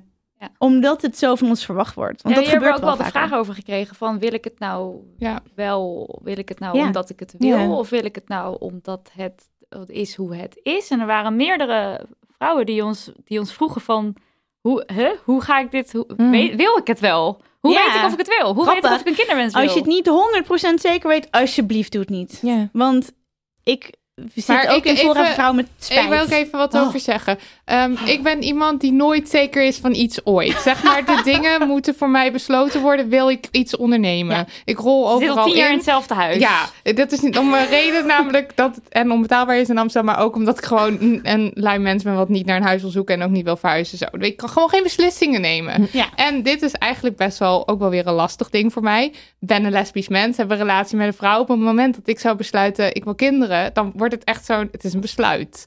Je gaat het Ja, ondernemen. maar en het ik is voor dus- iedereen een besluit. Het zou voor iedereen een besluit moeten, Moeten zijn. zijn. Ja. Als- maar dat is het niet. over. En Nee, kijk, dat voor, is het voor niet. mensen Nee. zoals ik zou het ergens ook nog wel weer een goed idee zijn als het gewoon voor je besloten wordt en dat je per ongeluk. Want ik, ja, ik denk Ja. dus dat ik Maar uit voor heel veel belo- eh, besluiteloosheid Ja. Nee, ja. zonder kinderen kan eindigen, terwijl ik helemaal niet weet of ik het wil of niet. Ja, ik denk dat dat, dat echte kie- dat idee dat we altijd maar kiezen voor alles wat er in ons leven gebeurt, daar, daar, daar geloof ik ook helemaal niet in. Dus kinder, kinderen krijgen is niet zo maakbaar als dat we erover doen, weet je wel. Het, Nee. Nog even los van het feit of het lukt, het kan je ook gewoon overkomen en daar kan je heel gelukkig mee zijn. Het is, er is geen pasklaar antwoord op, weet je. Maar ik denk dat je twijfel wel serieus moet nemen op het moment dat je het hebt.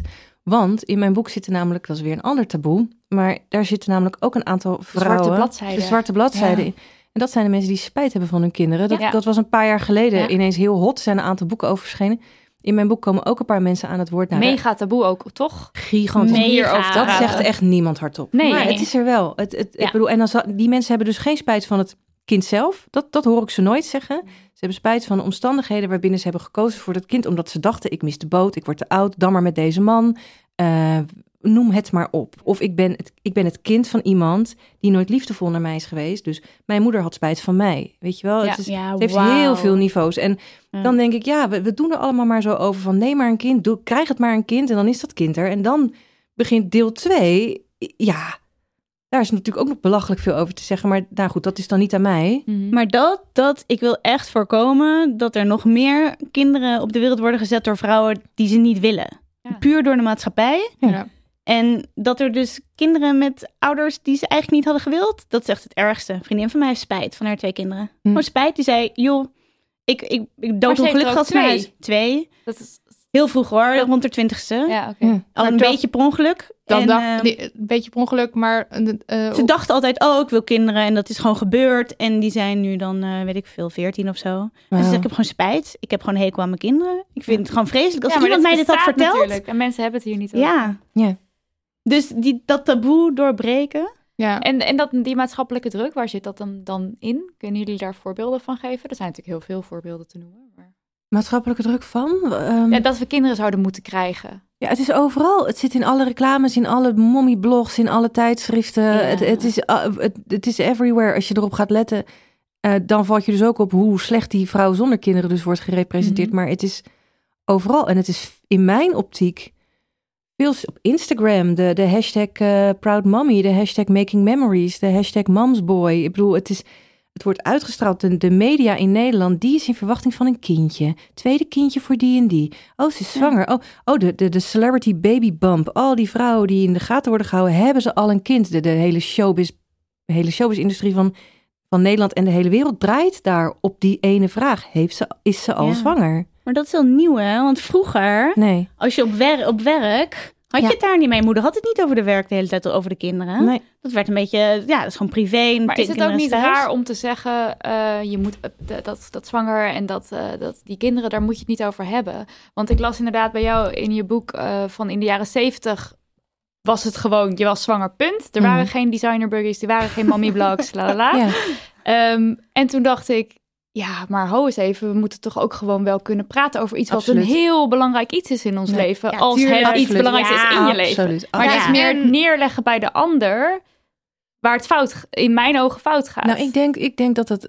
Ja, het is een hartstikke belangrijk onderwerp. En de mensen van wie ik hou, die kinderen hebben... Natuurlijk praten we over die kinderen. Ja, ik bedoel, Ja, ik ben- ja. ik Want heb het is voor jou ik heb dan dus een- gevoelens, weet Ja. je wel. En ook voor andere mensen. Ja. Alleen, ik denk dat het even los van dat het voor die, voor die vrouwen zonder kinderen een, een, een ingewikkeld beeld is. Het is voor moeders ook een ingewikkeld beeld. Het gaat heel erg over, die kinderen moet je maar krijgen. Dat moet je goed doen, dat moet je leuk vinden. Dat moet Ja, je allemaal in één reuzen er ook aan. Het ja. is, het, er zit mijn boek is echt serieus voor alle vrouwen bedoeld. Omdat voor niet-moeders geldt dit. Maar voor die moeders net zo hard. Die hoeven ook niet per se constant langs die lijnen gelegd te worden. En blokjes buiken zien. Ik heb eh, zes weken geleden een kind ja. gebaard. En ik sta alweer Oh, op de dat rode loper. En ja. ja. Maar als je het hebt over bijvoorbeeld social media, dan heb jij het over die hashtags Proud Mommy en zo. En Ja. ik denk ook, ja, maar dat doen mensen zelf. En je kan niet echt, als zij dat willen doen, als zij een foto Nee. erop willen zetten met die hashtag eronder, Ja. be my guest. Want je hebt ook, ook als misschien als niet-moeder die dit eigenlijk allemaal niet wil zien, heb je controle over je eigen social media en je Ja. blokkeert die mensen. Ja. Ja. En dit zeg ik ook altijd tegen iedereen die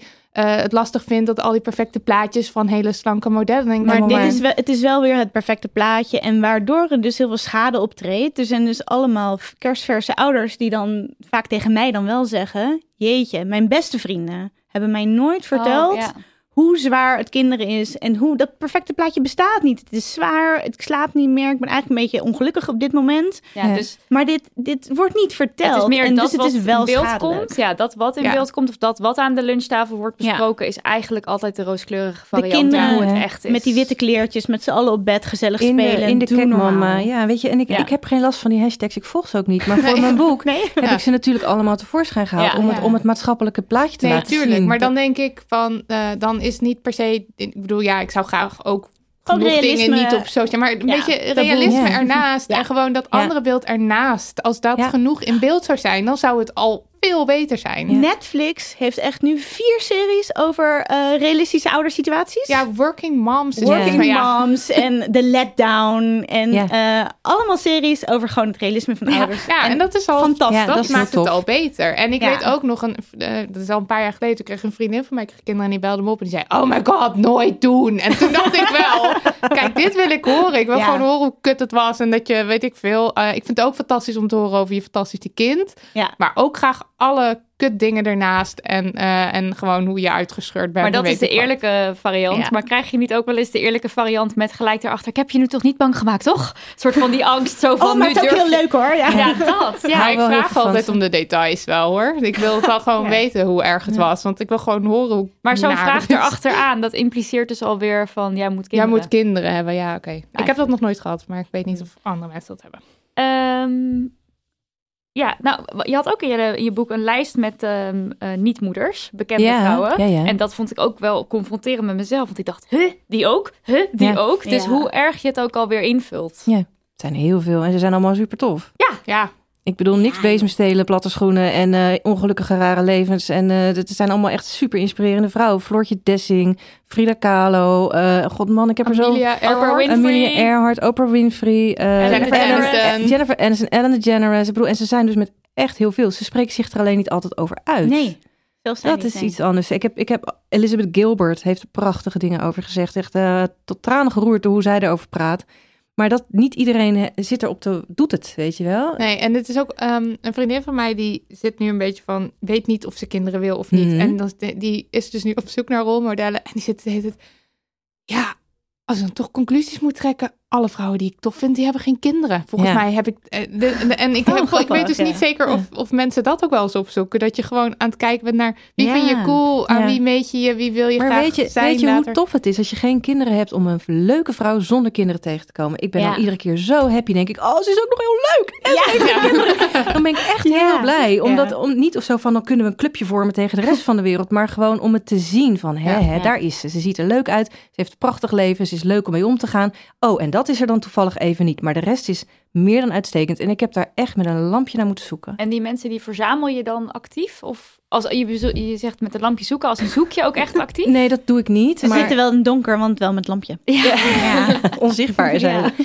Nee, het is meer dat ik, daar, dat ik me daar bewust van werd dat ik daarnaar zocht. Ja, want op het moment wat jij, Lisbeth, dit hier krijg je de Lisbeth, ja. wat jij net zei over, eh, ja, al mijn vrienden die zijn opeens met die kinderen bezig, ze hebben geen aandacht meer voor mij, dan kan ik me heel goed voorstellen dat je actief op zoek gaat naar mensen waarmee je wel een, nou ja, normaal gesprek, dat Ja. klinkt ook En dan kom je maar- je naamgenoot opeens tegen. Nou, dat was toevallig. Ja, dat maar iedereen dacht dat ik het boek had geschreven. Ja. Ja, dat klopt. Echt Ja, logisch. ja. Ehm, ik weet niet wat je vraag was, maar... Ja, nou, dat, dus, Oh. dat lijkt mij dan dus dat je misschien wel actief op zoek zou. Ik, ben, ik zou niet weten hoe. Nou, maar... daarom ben ik dus nu heel vocaal. Ook gewoon binnen mijn vriendengroep, iedereen weet het. En eh, familie, het is allemaal no- geen probleem. Dus ik ervaar er zelf geen probleem mee. Maar daarom ben ik om een voorbeeld te zijn. Ja. Ja. Om maar te laten zien, joh, ik ben er, ik ben er oké mee. En ik heb echt een super tof, cool leven. En Toch daar maak ik wat van. Eigenlijk en zo stom dat dat elke keer benadrukt zou moeten worden. ja, toch? ook al had ik een heel saai. ik ben heb heel ook een, gelukkig. ik heb een je heel. Ja. saai leven. Of dat je moet zeggen, ja, ik ben heel gelukkig en ik ben en dit is. Maar ik hou wel heel veel van kinderen hoor. Die, ja, dat heb ik ook zoveel Ja, gelezen. altijd. Dat zeg ik echt niet Want meer, mensen hoor. die vinden het blijkbaar erg Ja. als je niet van kinderen houdt. Ja, En je moet je geen zeggen. liefde te geven, Je moet Nidia. het Oh erbij ja, dan ben je weer die Want egoïst. er is toch iets in je persoonlijkheid aan de gang. Dus, Ja. de, de- dus je moet het erbij. Ik vind kinderen heel leuk. Ik ben een hele leuke tante hoor. Dat, dat, ah, je hoort Ugh. ze altijd zeggen. Ja. Ja. Ja, die tante is ook heel vaak langsgekomen trouwens. Oh ja. Eh, gewoon überhaupt het, eh, eh, het beeld van tante zijn, dat dat heel erg aantrekkelijk is ook Ja. wel, toch? Dat is Ja, want dan ben je tenminste leuk voor die kids altijd. En hoef je niet Ja, ze te ik straffen had ook vroeger een tante, die had toen nog geen kinderen, eh, eh, waar ik, wat ik echt helemaal een feest vond als ik daar kon gaan logeren. Ja. En die woonde op kamers in Arnhem, was allemaal spannend. Wow. Het is wel gewoon de tante die je wil hebben. Ja. Ja. Wel ook wel de tante Maar dan kun je ook voor kinderen een ander voorbeeld zijn. Ja. Lijkt mij. ja, Ja. ben ik het met je eens. Ja. Oké, maar als je dan op het moment komt van... oké, er gaan geen, geen, geen kinderen komen. Dat is bij jullie allebei een ander moment geweest. Dat, eh, hoe, hoe gaat zoiets? Dat is een heel lang verhaal, denk ik, bij jou, in jouw geval. Ik kijk Valt nu naar het boek, Liesbeth. Of ja, hoe, ga, hoe gaat zoiets? Laat ik het open vragen en niet invullen voor Nou, je. achteraf kan ik het zien dat het jaren heeft gekost. Eh, maar dat kon ik pas achteraf zien. Dus ik heb een paar jaar van mijn leven in een soort mistige toestand gezeten zonder dat ik het door had. Dat het daarover ging. Maar ik heb het wel op een moment in mijn leven, op mijn 41ste, echt hardop uitgesproken tegen mijn beste vriendin. Van ik word geen moeder. Dat was voor het eerst dat je het... Hardop zei. Ja. En dat was een hele belangrijk moment voor mij dat ik het hardop zei. Want ik dacht, oh, dit, nu heb ik het gezegd. Nu is het eruit. Dit, hier gaat het om. Zij reageerde daar ook heel relaxed op. En daarna was het eigenlijk gezegd, dus het was al gebeurd. En, en toen pas kon ik terugkijken en zien van, ik ben hier gewoon jaren, heb ik hier toch nog in getwijfeld, geprobeerd, links en rechts vragen gehad, me daar ook in mijn eentje in moeten verhouden. Daarom heb ik mijn boek ook geschreven, omdat, het, omdat ik dacht, ik ga dit uitleggen aan vrouwen die na mij komen. Weet je wel, van hoe het, waar het allemaal over kan gaan, hoe groot het onderwerp het kan, hoeft niet, maar kan zijn in een leven. Maar daarna werd het eigenlijk gewoon stukken beter op voor mij. Ik, eh, het is echt opgeklaard. Mijn leven is eigenlijk fantastisch geworden daarna, om eerlijk te zijn. En dat Ja. mistige wat je dan omschrijft, het was eigenlijk niet duidelijk wat er dan precies voor een deken over leven zat op dat moment, maar het was iets drukkends. Maar Ja, je het was niet de echt tijd. Het was inderdaad dat tiktak, maar dat voelt niet als tiktak. Dat voelt meer als ik heb geen geschikte man, ik heb een fulltime baan. Ik, eh, hoezo ga ik in mijn eentje adopteren? Ik, ik heb geen, ik, heb, ik had hele romantische ideeën nog steeds over hoe ik een kind zou willen met een man waar ik van hou in een, in een goede situatie, gewenste situatie. Dat was er allemaal niet. Dus ja, er waren meerdere punten waardoor ik omstandigheden, waardoor ik, waardoor ik niet dichtbij kwam. Hoe, hoezo? Dan zeiden mensen, je kan altijd nog een pleegkind nemen. Eh, nee, ik werk fulltime, ik ben alleen. Hoe dan? Weet je wel? Dat Ja. is een veel te. Dus er, waren, er vielen al wat deuren dicht. Ik werd 40, ik werd 41, dan is het ook niet meer zo. Je, gaat niet, je kan geen IVF-traject meer in op een gegeven moment. Ik had mijn eicellen niet laten invriezen, wilde ik ook niet. Dus er waren al wat deuren gewoon dichtgevallen eigenlijk.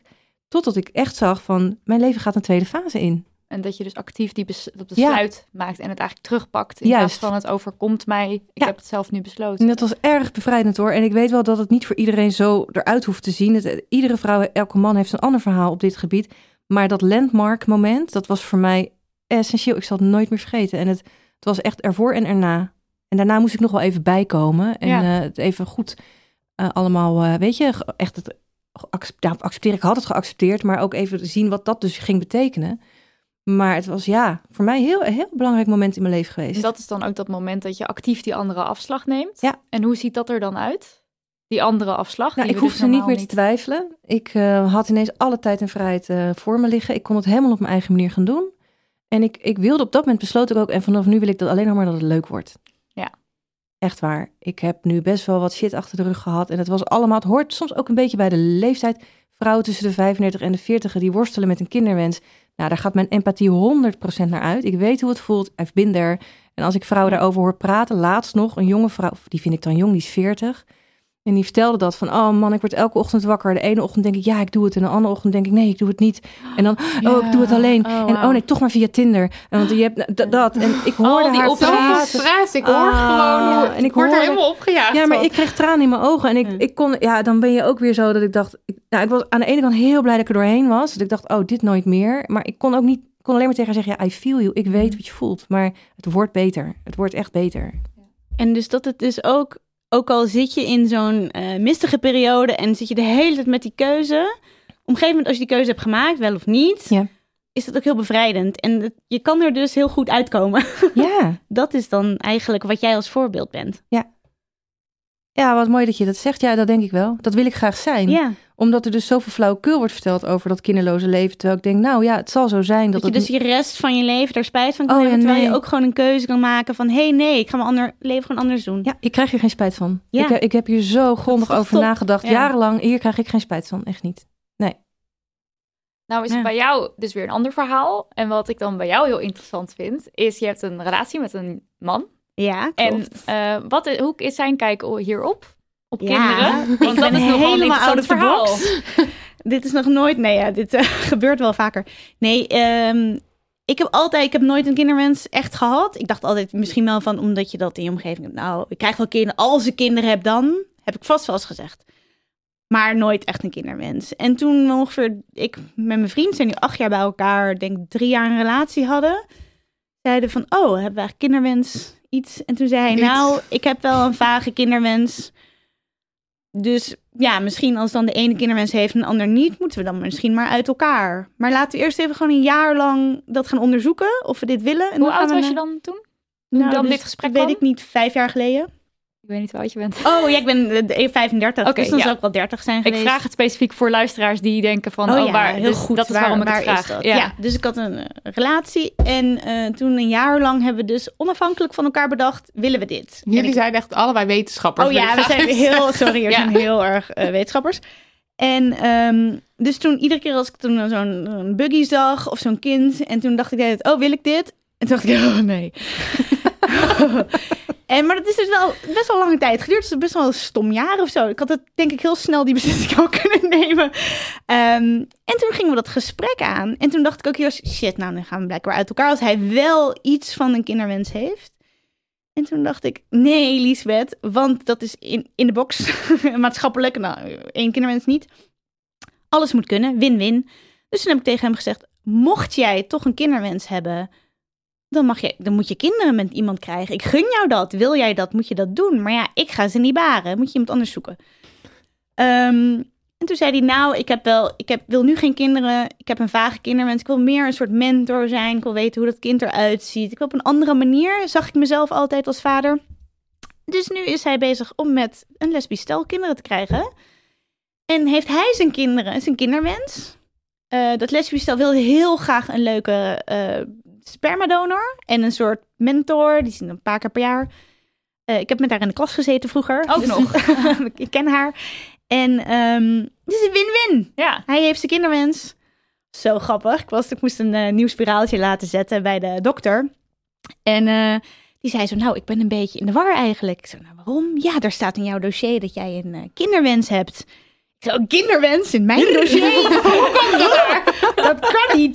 Toen zei ze, ja, maar ehm, je vriend heeft een kinderwens. Staat in zijn dossier. Ja, maar niet in, dat heeft toch helemaal niks met mij te maken?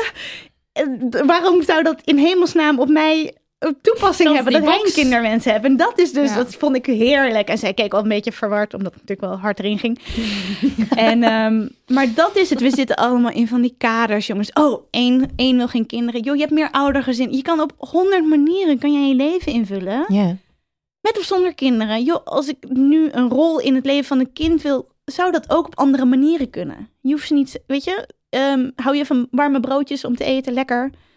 Maar dan hoef je nog geen bakker te worden. Ja, Dat noem je otherhood. Dat vind ik echt een heel prachtig woord. Dat Ja. is in Nederland helemaal nog niet ingeburgerd. Maar je kunt op heel veel manieren kun je er zijn voor iemand anders. Dat hoeft niet Ja. per se in die, eh, in die samenstelling altijd maar van jezelf. Weet je wel? Als je die als en je met twee zorgen- mensen, Zeker. met twee mensen en dan degene waarvan je houdt, dan dat kind. Je Ja. kan ook met iemand anders of een ander Ja. zelf, dat je een rol, weet je. En nu het allemaal zo moeilijk is, met dat het heel veel geld kost en heel veel energie. Hoe, hoeveel beter is het niet om een kind te delen met tien andere mensen? Wordt iedereen veel gelukkiger van, denk ik. zo grappig, want ik moet nu alleen maar denken weer aan die podcast over, waar ik het net over had, van de correspondent. En daar wordt een paar mensen gevraagd van, hoe zien jullie het ideale gezin voor je? Of het ideale, Ja. later, hoe zien jullie dat voor je? En eh, van iedereen, stuk voor stuk is het antwoord dus, ja, eh, ik met een eh, partner waar ik veel van hou en dan twee kinderen Ja. op de achterbank. En, en Ja. dat is gewoon, als ik jou dan hoor praten, dat is zo, ze zitten zo vast in hokjes. En blijkbaar Ja. denken we allemaal dat we twee kinderen moeten krijgen in ieder geval. Terwijl Maar het dat- is, je maar- kan het delen. En het is, het is zo heel verrassend dat dat nog in 2019 is. Want ik bedoel, als je kijkt naar wat er, waar we allemaal met z'n allen al over zijn gaan praten. Ik bedoel, er worden complete seksdagboeken worden er gepubliceerd, weet je wel. Dat kan allemaal. Maar dan gaat het over kinderloosheid en dan komt er ineens een enorme stilte en een kramp op te zitten. Wel, dit is helemaal niet zo revolutionair. Nee, dat is het helemaal. Dat vind ik dus ook niet. Alleen, niet. kennelijk dus over wat jij doet. Ik moet wel zeggen, Liesbeth, ik vind het wel heel tof wat je doet. Ik vind het wel spreken van een vrijgeest. Ja, dat ja, je dat ja, zeker. kan. Ja, dat meen ik, Ik echt. vind Nee. het niet meer dan normaal en logisch. Om ervoor te zorgen dat iedereen een win-win heeft. En Ja. als je zo jou hoort, dan is dat ook heel duidelijk dat je er zo in staat. Ik denk dat het voor veel mensen heel, alsnog heel verfrissend is. Dus voor jou is het soort van, natuurlijk doen we dit zo. Ja, maar voor veel mensen zal het echt compleet iets... Ja, ik vind Maar Ja, dus voor al die vrouwen die twijfelen, Ja. je kan het echt zelf inrichten. Ik kan me voorstellen als je jou hoort praten dat er echt een last van je afvalt. Zo Ja. van, oké, weet je, er zijn, heel veel, zijn echt wel heel veel mogelijkheden om toch Ja. voor iets voor elkaar te krijgen. Oh, dat hoop ik echt. Ja. Dat, je, dat je denkt, oh ja. Eh, waar ik nog benieuwd naar ben, is, ehm, we hebben het nu gehad over al die opmerkingen die je kan krijgen. Eh, al die bemoeier, bemoeierigheid van de wereld. Hoe zien jullie de ideale wereld? Vragen we dan helemaal niet meer naar elkaars kinderen of naar kinderwens of, of, of zeg maar... eh, Liesbeth. Nou, wij hebben het daar wel over gehad, van die vraag. Mhm. Ehm wij zaten vorige week koffie te drinken en toen hadden we het erover... Waarom is die vraag zo vervelend? En dat is niet vervelend omdat je beste vriendin gewoon interesse heeft in je leven en daar een vraag over stelt. Maar het is gewoon vervelend omdat daar een soort maatschappelijke norm achter zit. Ehm, net als mensen willen vragen, oh ben je een jongen of een meisje? Oh je wel of geen kinderen? Het zijn gewoon van die vragen die mensen gewoon stellen. Het is een beetje van die opvulvragen. Als iemand die stelt in een maatschappij waarbij dit geen taboe is, is er geen probleem. Helemaal mee eens. Dat is het. Ja. Die vraag wordt vervelend omdat je weet dat er een enorme lading achter zit. Ja. Degene die hem stelt weet dat misschien niet, dus die vraagt gewoon wat. Die, die, die- Ja. Ik geloof helemaal niet in malicieuze mensen of in dat dat met een slechte intentie wordt gevraagd. We vragen het, we doen dat nou eenmaal zo, maar praten over kinderloosheid is praten over een blinde vlek. En die opmerking is maar één deel van het hele verhaal, weet je wel. Er horen nog heel veel andere dingen bij die die puzzel leggen. En dan wordt zo'n vraag ineens heel beladen voor degene die hem kan krijgen. Maar er zit nog een ander ding aan waar ik net over na aan denken was vanmorgen. Er is ook überhaupt een taboe op ook wel kinderen krijgen. Want al mijn vrienden, die krijgen kinderen. Die zeggen, ook ik ben zwanger. Terwijl ik ze nog nooit erover heb gehoord. Dit is een soort geheim binnen een relatie. Waarvan ik het niet weet. Of de mensen waar het niet uit wordt gedragen. Dan wordt het nog heel lang geheim gehouden. Dan wordt het heel geslacht geheim gehouden. En dan is het er. Je bedoelt dat in jouw vriendengroep dat er dus niet gesproken wordt over al dan niet een kinderwens hebben? ik, van de, de mensen waarvan ik weet, nu, die nu kinderen hebben, hebben dat oh, nooit opeens- uitgesproken. Die Ah. hebben nooit gezegd, oh, ik wil mijn hele leven al lang kinderen en dat ga ik zo en zo doen. Of, Want dit herken ik bijvoorbeeld echt niet. Nee, heb jij dus heel veel... Wij praten hier heel veel. Echt al Oh. vanaf heel jong praten we hierover. Of het wel of niet. En het is een open. Oh ja. open situatie. Ja. Als mensen zeggen voor mij niet, dan, hoeft, dan gaan we dus niet in discussie of zo. Ja, ja, ja. Maar het is wel gewoon iets van wij zijn daarmee bezig of niet. Of nou ja, het is een open onderwerp. Dus ik ik, heb ik ook herken wel- me hier dus niet in dit verhaal. Ik ook niet zo, want ik heb Oh, ook een aantal vriendinnen van wie ik gewoon weet, die willen al van jongs af aan kinderen. En die roepen dat ook te pas en te onpas. En die zijn gewoon een soort van gemaakt om moeder te worden. En die Ja. hebben nu kinderen en het is allemaal moeilijk en geweldig. En, eh, maar daar wordt wel open over gepraat. Dus, Oh, want ik merk dat het, dat het, ja, het is toch een beetje geheim, geheimhouderig. Of inderdaad Ja, van, het geheimhouderige van of er dan wel of niet het geprobeerd wordt. Of wat het geslacht. ja, dat dat, herken dat, dat, dat dan weer heel Ja, moeilijk, dat en- dat dan moeilijk is. Maar daar ja. zit natuurlijk ook het taboe achter praten over als het niet goed gaat. Ja, Praten Ja. over het lukt niet, praten en over dat. een miskraam. Maar hoeveel miskramen, Lies, wat jij weet het getal? 1 op de 4. 1 Ja. op de 4 krijgt een miskraam. 25%. Niemand praat daarover. Nou, van alle zwangerschappen krijgt ermee te maken. Dus dat Ja. kan echt niet. Het is gigantisch. En eh, ik wil nog wel even daar iets aan toevoegen over die geheimhouding. Ik heb een vriendin van mij en die zei... Ja, het was net na mijn 35ste dat ik ineens dacht... Oh, gaan we nou ineens met z'n allen dat hele kinderding doen? Het overviel haar heel erg dat, haar, dat al haar ja. leeftijdsgenoten het Ja. ineens gingen doen. Ja. Het was aangekondigd, onaangekondigd. Maar in ieder geval, het was wat je ging doen. Het hoort ook echt bij een bepaalde leeftijd. Waardoor ik vind dat die jaren tussen de 30 en de 40 zijn al pittige jaren. Je gaat samenwonen, je carrière, allemaal dingen. En je gaat je gezin stichten. En ineens is dat een soort van code die er kennelijk is in die leeftijd. Ongeschreven, niemand praat Ongeschreven. ja. En misschien dat dat, het heeft heel veel gezichten. Dus het gaat van heel veel over praten tot ineens een vriendin die nooit wat over heeft gezegd en zwanger is. Maar het is in ieder geval wat we gaan doen. Ja. ja. En dat is, dat is eh, als je dat dus niet gaat doen, dan denk je ineens, Huh? huh? Ja. Weet je wel, ja, oh, oh, ik heb de memo niet gekregen. Ze hebben mij niet in de cc gezet, weet je wel. Dat gevoel. En dat, is, dat vond ik ook wel pittig. Dat eh, inderdaad vrienden die ineens alleen maar met kinderen bezig zijn. Ja. Of met die zwangerschap of met de gender reveal. Terwijl ja, jij een heel ander pad bent gaan lopen. En dat is denk ik ook een beetje wat aansluit op wat jij net zei.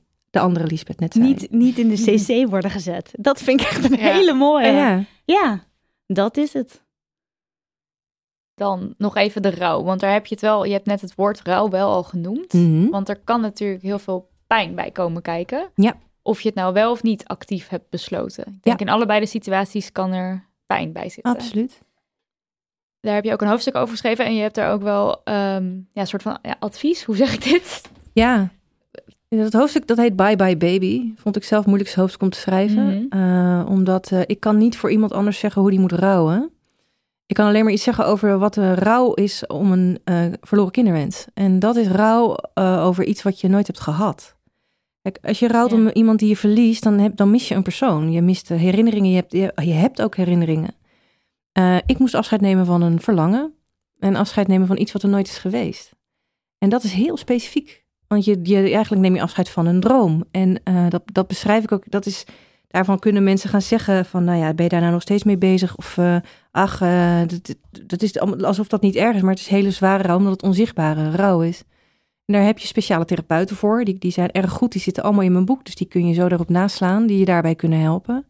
Want het gaat er wel om, en ik denk zelfs als je bewust voor een kind, kinderloos leven kiest, kinderloos, nou doe ik het zelf ook, maar soms is het makkelijker. ja, dan is dat eh, je het wel echt de betekenis geeft die het eh, heeft. Ehm, als je afscheid moet nemen van dat kind wat er nooit komt, eh, nou ja, daar zijn processen voor. Wat, wat ga je precies niet krijgen? Wat, welke gevoelens horen daarbij? Welke ideeën heb je over het leven wat daarna gaat ontstaan? Wat, wat gaat daarin ontbreken en waarom?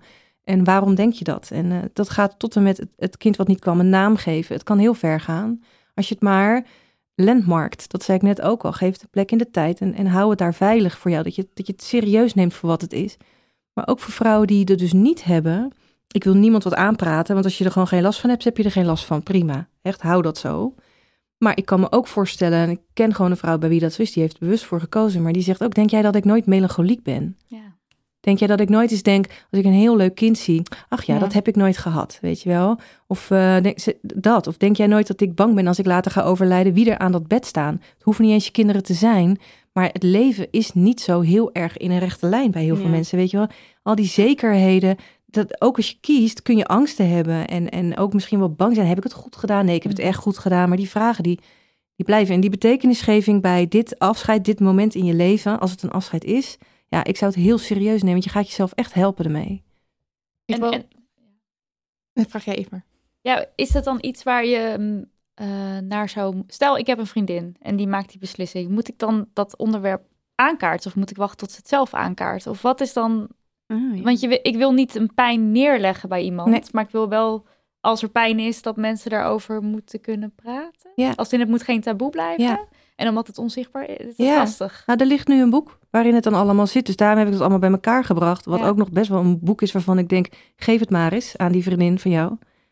Jij wil geen kinderen, hier is een boek. Echte vrouw krijgen een kind. Ja, maar, dat bedoel ik. Je natuurlijk legt het zo weer Ja. neer bij iemand. Ja, en daar heb ik geen antwoord op. Nee. Alleen ik hoop heel erg op tamtam. Ik hoop heel erg op dat vrouwen aan elkaar doorgeven. Er is iets, er is een, nou, er is een boek, er, er is een platform, er komen allerlei dingen aan wa- waardoor waar je informatie kan halen. En dat moet ze zelf halen. Jij, jij kan het niet Ja. aan haar geven. Nee. Over dat platform. Ja, Mhm. Wacht, please wacht, wacht, do. wacht. Voordat Ja. je dat doet. Ik wil heel eventjes, we kregen een, een reactie van een luisteraar die mij heel erg heeft geraakt. En die ik gewoon graag eventjes wil voorlezen. En Ja. het gaat onder andere ook over die rouw. Ehm, en dat gaat zo. Ik ben nu op het punt dat ik langzaam probeer te accepteren dat ik waarschijnlijk nooit kinderen ga krijgen. Door chronische ziekte en handicap kan ik maar amper voor mezelf zorgen en heb ik voor huisdieren al hulp nodig van mijn omgeving. Een kind zou, zelfs met een partner, zo goed als onmogelijk zijn.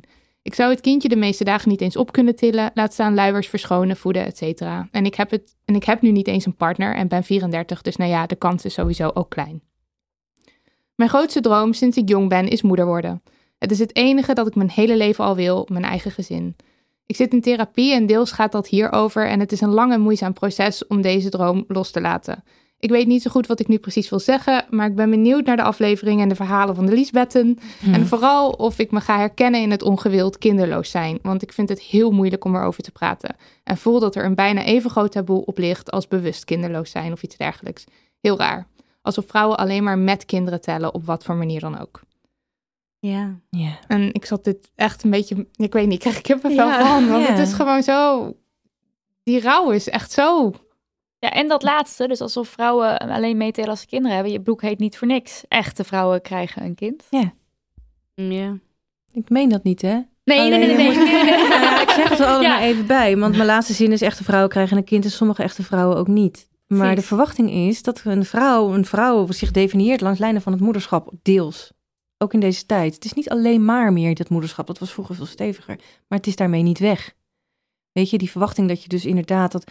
En ik moet even zeggen over die, over die eh, wat jij nou net voorleest. Ach, ik voel die vrouw helemaal. Eh, want dat is heel erg. Als je echt een kinderwens hebt en je moet dat opgeven, dat, dat, dat is heel. Dat is enorm. Ja. Ja. En, eh, want, want, ja, ik weet niet, ja, tips. Dan zou je, zeg maar, het, het landmarken, zoals jij dat noemt, Ja. vond jij, was voor jou heel belangrijk. Ja, en, en toch proberen om, eh, nou ja, ja, dat weet ik niet zo goed. Ze is in therapie, zegt ze al, maar dat is moeizaam. Dat kan ik me voorstellen. Ja, Ehm, ja, ik zou heel graag nu een, een pasklaar antwoord heb ik niet. is er niet, nee. Nou, dat boek. Ja, dat boek, Ja, er zit boek veel lezen. dingen in dat boek, ja. Ja. herkenning dat er andere vrouwen zijn. En misschien kijken, is er in jouw situatie een rol mogelijk waarbij jij het gevoel hebt dat jij in een kind in jouw omgeving een rol hebt, waarin je het een beetje een plekje kan geven. Ja. Ik, dit- ik denk toch altijd, er is ergens een win-win. Ja. Er zijn hartstikke veel kinderen die, die aandacht en liefde meer nodig hebben dan dat ze nu krijgen, omdat ze in bepaalde omstandigheden zitten. Ja. En die kan jij misschien in jouw situatie super goed geven aan die kinderen. Jij hebt er wat aan, die kinderen worden er beter van. Is er niet gewoon een, ja, het moet Ja. er zijn, denk ik dan. Ik denk dan heel positief. Ja. Er is vast voor jou een manier om dit helemaal oké af te Ja, ronden. en als ik daar dan wat aan mag toevoegen, dan, is- dan gaat dat er ook over dat ze dat mag gaan zeggen. Dus dat Ja. ze het tegen mensen mag gaan zeggen. Ik heb een grote kinderwens, hij wordt niet vervuld. Ik ben daar gelukkig van. Maar ik wil graag kijken hoe ik het wel op een goede manier... Hoe ik, of goede manier, er is geen goede manier. Maar hoe ik dat dan een, een, een weg kan, kan Ja. ge- geven. En wil je me helpen of zo? Je Ja, en in dit specifieke geval, want ik, het, eh, ik snap heel goed je positiviteit. En ik, daar wil ik ook in meegaan. Maar ze, ze omschrijft dat ze flink ziek is. Ja. ja, nee, en daar dat hangt snap dus wel aan ja. vast dat je niet, je Ja. kan dus niet de tante zijn die, dit is gewoon heel pijnlijk, maar je kan dus ook niet. We gaan lekker naar de dieren, Nee, nee, we gaan lekker Nee, voorlezen, we gaan Maar, voor lekker. sommige, maar een Dus luisterend is oor. extra- Ja, je nou, kan, je kan die, misschien. die misschien wel een mentor zijn voor iemand. Ja. Voor, Ja. een, voor een kind die gewoon luisterend oor nodig hebt. Die gewoon empathie, die even liefde nodig hebt. En dat hoeft Ja. niet fysiek Kleins. of met allemaal met energie en rondrennen. Dat is helemaal niet, weet je. Misschien, Hm. ik hoop dat daar iets in zit. Wat, ja, ik hoop het ook heel erg. eh, Ja. Ja. Want oh ja, we zitten allemaal een beetje, oh, dit is... ja, arme vrouw. Ja. Ja. Ik had nog één andere luisteraar, die wil ik trouwens ook nog wel erin gooien. Want dat is namelijk een vriend die dus, haar partner die dus de hele tijd zegt van jouw kinderwens komt nog wel. Dus we hebben het al Oh. gehad over mensen die de kinderwens eh, niet hebben. En dat dan mensen dan willen overtuigen. En deze vriend die zegt nou wacht maar, het komt wel, het komt wel, het komt wel.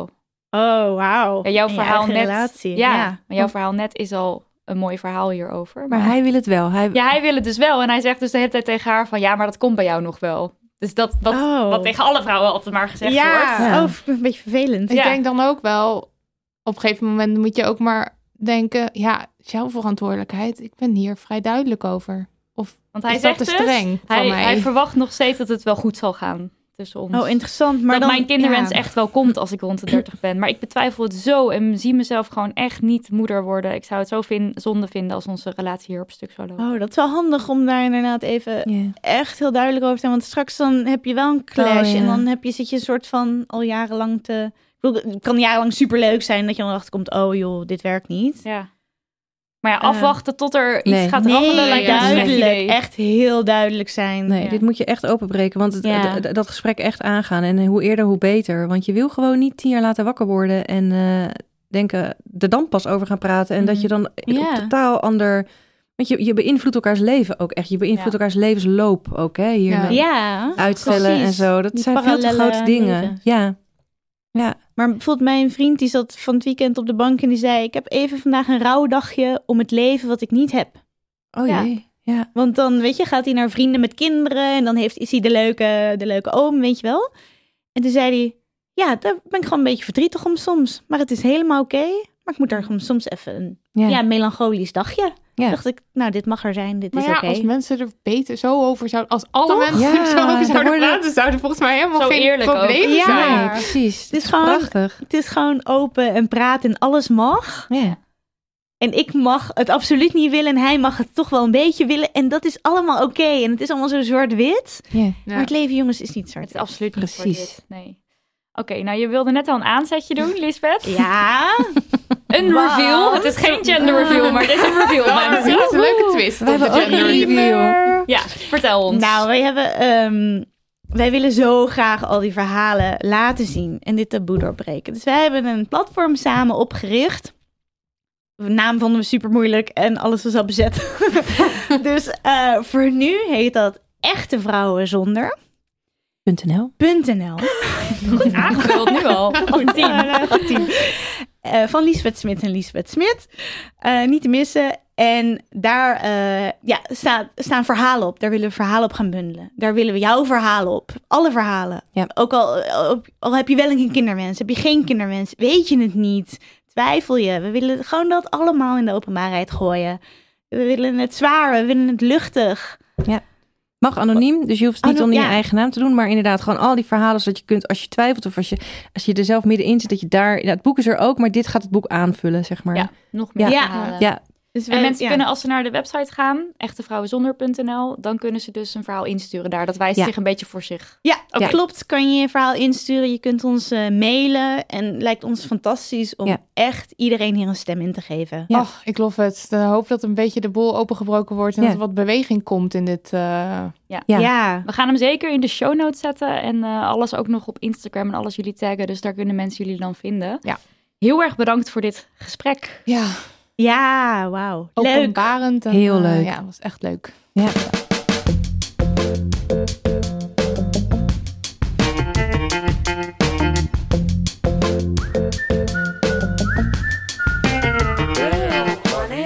En om af te sluiten zijn we daar met de Damn Honey No en Yes. Nidia, jij eerst. Waar werd jij woest, verdrietig en of depressief van?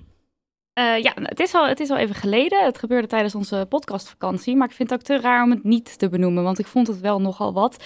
Het eh, zogenaamde boerkaverbod. Wat men eh, in de volksmond noemt men het zo. Het is natuurlijk een gezichtsbedekkend verbod officieel.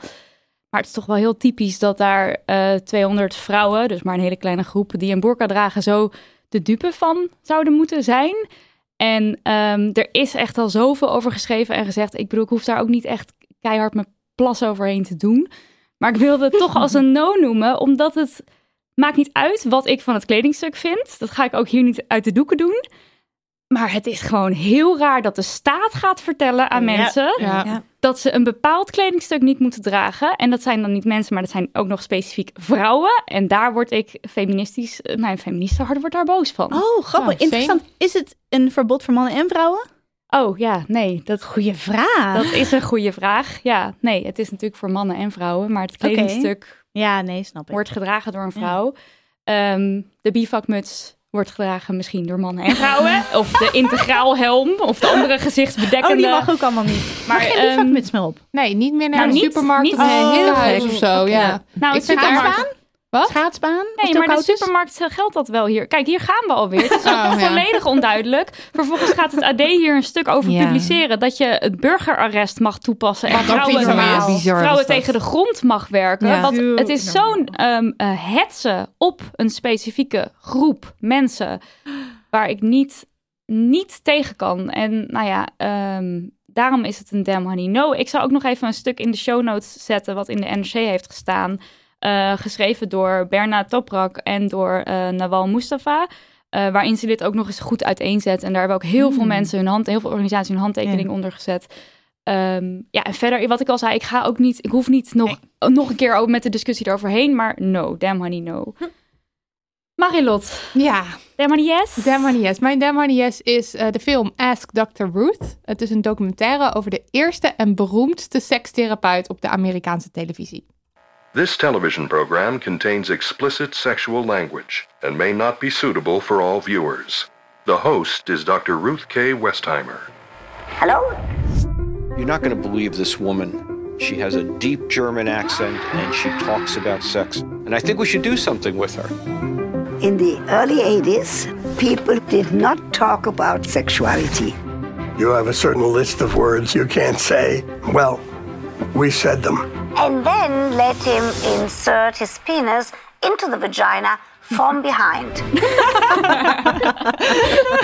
Ja, ik dacht dus gisteren, oké, ik kijk een half uur van deze film en dan weet ik waar het over gaat. Kan ik hem vast aanraden. Deze meid veroverde mijn hart. Het was echt, alles is fantastisch. Dat er een lach en een, ruimte voor een lach en een traan. En, en, het En je is- hebt hem afgekeken, Ja, ik heb hem helemaal afgekeken. Ik heb hem echt, echt eh, geïnhaleerd.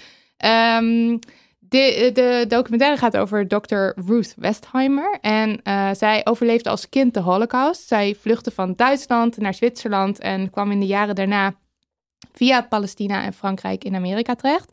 Ze is nu 91 jaar oud en ze staat nog volop in het leven, maar echt serieus volop. Want ze schrijft boeken, ze geeft les, ze geeft interviews, komt op tv, op de radio en ze loopt snel. Dat viel mij echt, dat zie je zo'n shot van ver af en dan gaat ze echt als een gek. En dan denk ik, hoe dan? Heeft ze kinderen? Ja, Ja, ze heeft kinderen. Ja, ze heeft twee kinderen. Jammer. En, eh, One down. dus ja, Ja. Maar die kinderen die vragen dan wel weer bijvoorbeeld in een scène van... eh, ben je dan, noem je jezelf feminist? En dan gaan ze daar helemaal over praten. En zij noemt zich dus... Ze zegt, ik noem mezelf geen feminist. En dan hebben ze een gesprek over wat ook weer heerlijk is. Want Ah, zij is ja. wel een feminist. Maar ze is dan... Nou, anyway, kijk hè. Maar ze noemt zichzelf een niet-radicale Een feminist. toch? niet-radicale feminist. Ja, omdat zij dus bij feminisme heel erg denkt aan dat, Ja, aan dat op de barricades en zo. Ehm, en in de documentaire kijkt ze terug op haar traumatische jeugd. Haar, eh, nou, het is van alles gebeurd. Je kan het alleen maar ja, voorstellen met de holocaust. En eh, zij is een van de belangrijkste woordvoerders eh, in de seksu- eh, seksuele revolutie geweest. Ehm, ja, ik, weet, ik, kan, ik kan alleen maar aanraden, want het is echt lachen en huilen. En dat Duitse accent maakt het helemaal compleet. En haar kijk op seks, zeker in de jaren tachtig. Het is echt fantastisch als je haar hoort praten over penis en vagina en anale seks. En ze heeft het ook over respect en consent. Nou, kijk het. Hij draait vanaf, volgens mij sinds gisteren in de bioscoop. Ehm, ja, en, eh, en, eh, en, eh, en ga erheen. We mogen trouwens vrijkaarten weggeven, maar volg, kijk maar even op onze Instagram. Hou mijn Instagram aan- in de gaten. Mijn Instagram in de gaten. At Damn Honey het boek in de gaten. Probeert ook weer wat volgers te hosselen, deze vrouw. volg mij voor vrijkaarten. ja, nee, volg onze Instagram en eh, dan eh, geven we die weg. Eh, geloof me, je wil dit zien. Is er nog... Oh, wil je wat zeggen? Oh, Wil je nog, wat, wil je nog wat op de Nou, band? ik heb een no, maar die, mo- die moet dan Oh, eigenlijk leuk. voor Nee, de... nee, ja, dat kan wel, hoor. Kan wel? Ja, Een hele op. korte no. Ehm, heel bizar. Weet, er is nu een wetenschappelijk artikel uit... waarin onderzocht werd hoe aantrekkelijk vrouwen met endometriose zijn. Hè? Het is waanzinnig. Ja, het is echt heel raar. Het is gewoon onderzoek geweest... Ja, naar de aantrekkelijkheid. Hoe Mijn grote borsten... gezichtsuitdrukking is niet te Ja. zien op deze geluidsopname, maar ik ging van lol, what? Ik ging naar die aap, die meme, die aap. Ja. Ja. Deze, kennen jullie die? Die de hele tijd zo kijkt van, wat doe je? Wat, Wat? is er aan de hand? Ik snap het niet. Ja, er is letterlijk gewoon onderzoek. En ik heb het artikel gelezen en er staat ook niet waarom ze dit doen. Blijkbaar is er de associatie dat als je dus heel knap bent... Er stond echt dikke borsten, symmetrisch, Oh eh goede, eh, eh, slanke taille. Hebben ze gemeten in vrouwen en dan gekeken of ze wel of geen endometriose... Een bepaalde vorm van endometriose. Ik denk dat de achterliggende gedachte is... Oh, misschien hebben ze dan meer seks of minder... En dan hebben ze een hogere, lagere kans op Ja. dit. Hm. Maar dat staat er allemaal niet in. Het is het raarste artikel ooit. No. Mag, No. no, mag niet in de wetenschap. Andere Lisbeth ook nog een no? Of yes? Of een yes. Of een Ik had, yes? ik, had een, eh, ik, had een, eh, ik heb een yes en een no, dus zeg maar wat jullie willen horen. Allebei. Ja, Oh. Nou, de yes, dat is dat ik verslaafd ben geraakt aan Queer Eye op eh, Netflix. 70.000 jaar te laat. Ik geloof Ik dat zag het op iedereen... Dat je dat van- ja, Nou, Dat is fantastisch. Ik heb een French tag. Mensen, echt heb ja, een een French tag. shirt. Als je een goed humeur wilt, kijk Ja. naar deze mannen. Ik wou dat de hele wereld vol met, zat met dit soort mensen. Ja. Ik, ik zit elke keer weer te janken. Ik ook. Ik moet ook heel vaak heel hard lachen. Het is heel goed voor je hart. Ja, Queer Eye. echt. nu Het vierde seizoen. Ja. Fantastisch op Netflix. Dus dat. En ik heb een klein nootje. Gisteravond op televisie. eh, het was de Lidl die adverteerde met een eh, advertentie op tv. We zijn weer terug. En eh, er is nu allerlei korting bij de Lidl te krijgen op meloenen of zo. Ik moet er even vanaf zijn. Maar je krijgt een korting, want we zijn weer terug. Want de zomervakantie is afgelopen. Oh. En toen dacht ik, ja beste Lidl, ik heb de drukste zomer van mijn leven gehad. Ik heb helemaal dat helemaal niet. Wie Zijn is we? heb je het Ja. over? Wie is Ja. we? Ik Ja. bedoel, dat, is dus, dat zijn dus nu de Gezinnen, mensen. de Ja, kinderen. En daar wordt Ja. een totale campagne op losgelaten. Ik dacht in het kader van de marketing awareness, als het gaat om eh, al die mensen die dus niet in die we zitten, vond ik dit een heel mooi Ja, voorbeeld. dit is een heel goed sluimervoorbeeld. Ja. Juist. Ja. Back to school. Ja. Joh, Ja, Er is allemaal niks mis mee, maar als het niet over je gaat, ga je het zien. Ja, Ja. interessant. Grappig, want ik, jij zei het en eh, eh, ja, dat klopt toch? Maar Vakantie? het gaat niet eens over mij. En ik, ben, ik ben zo geïndoctrineerd. Dat ik denk, ja, natuurlijk. Ja. We zijn weer zijn terug. Ben, ben jij ook weer terug, Ja, ik ben er ook weer. Ja, gezellig. Dit was aflevering 23. Bedankt Liesbeth. Bedankt Liesbeth voor jullie wijze woorden en interessante kijk op de things. En dank aan alle luisteraars die massaal hun de maatschappij wil dat ik een kind neem, maar ik ben pas 14 en andere ellende op ons storten. Mijn hemel, we hebben nog een lange weg te gaan. Ja, hou dus even ons Instagram-account in de gaten voor allerlei coole weggeefacties. Yes. Verder, bedankt, producer, boyfriend en nu tevens mijn huisgenoot van Oh my god, ik eh, ben gaan samenwonen. Daniel van de Poppen, dankjewel. Eh en natuurlijk onze swingende, swingende, dit kon ik, krijg ik nooit mijn mond uit, swingende jingleman Lucas de Gier. Stuur ons post via ons Instagram-account at damhoneyhetboek of stuur een mail naar info@damhoney.nl. en schrijf recensies. Als je luistert, open die podcast-app nu en schrijf er eentje. Al bestaat die uit drie woorden, het helpt ons enorm om hoger in de charts te komen. Ons steunen met een aalmoes of twee mag ook uiteraard. Doe een donatie via patreon.com slash damnhoney. Of, as always, doe het niet zelf weten. Tot over twee weken honingballen. Honingballen? Op emma-sleep.nl vind je het lekkerste slaapgoed. Kussens, matrassen, de hele shabam. Gebruik de code DAMNHONEY, aan elkaar geschreven, om nog eens 10% extra korting te krijgen bovenop de kortingen die je al op emma-sleep.nl vindt.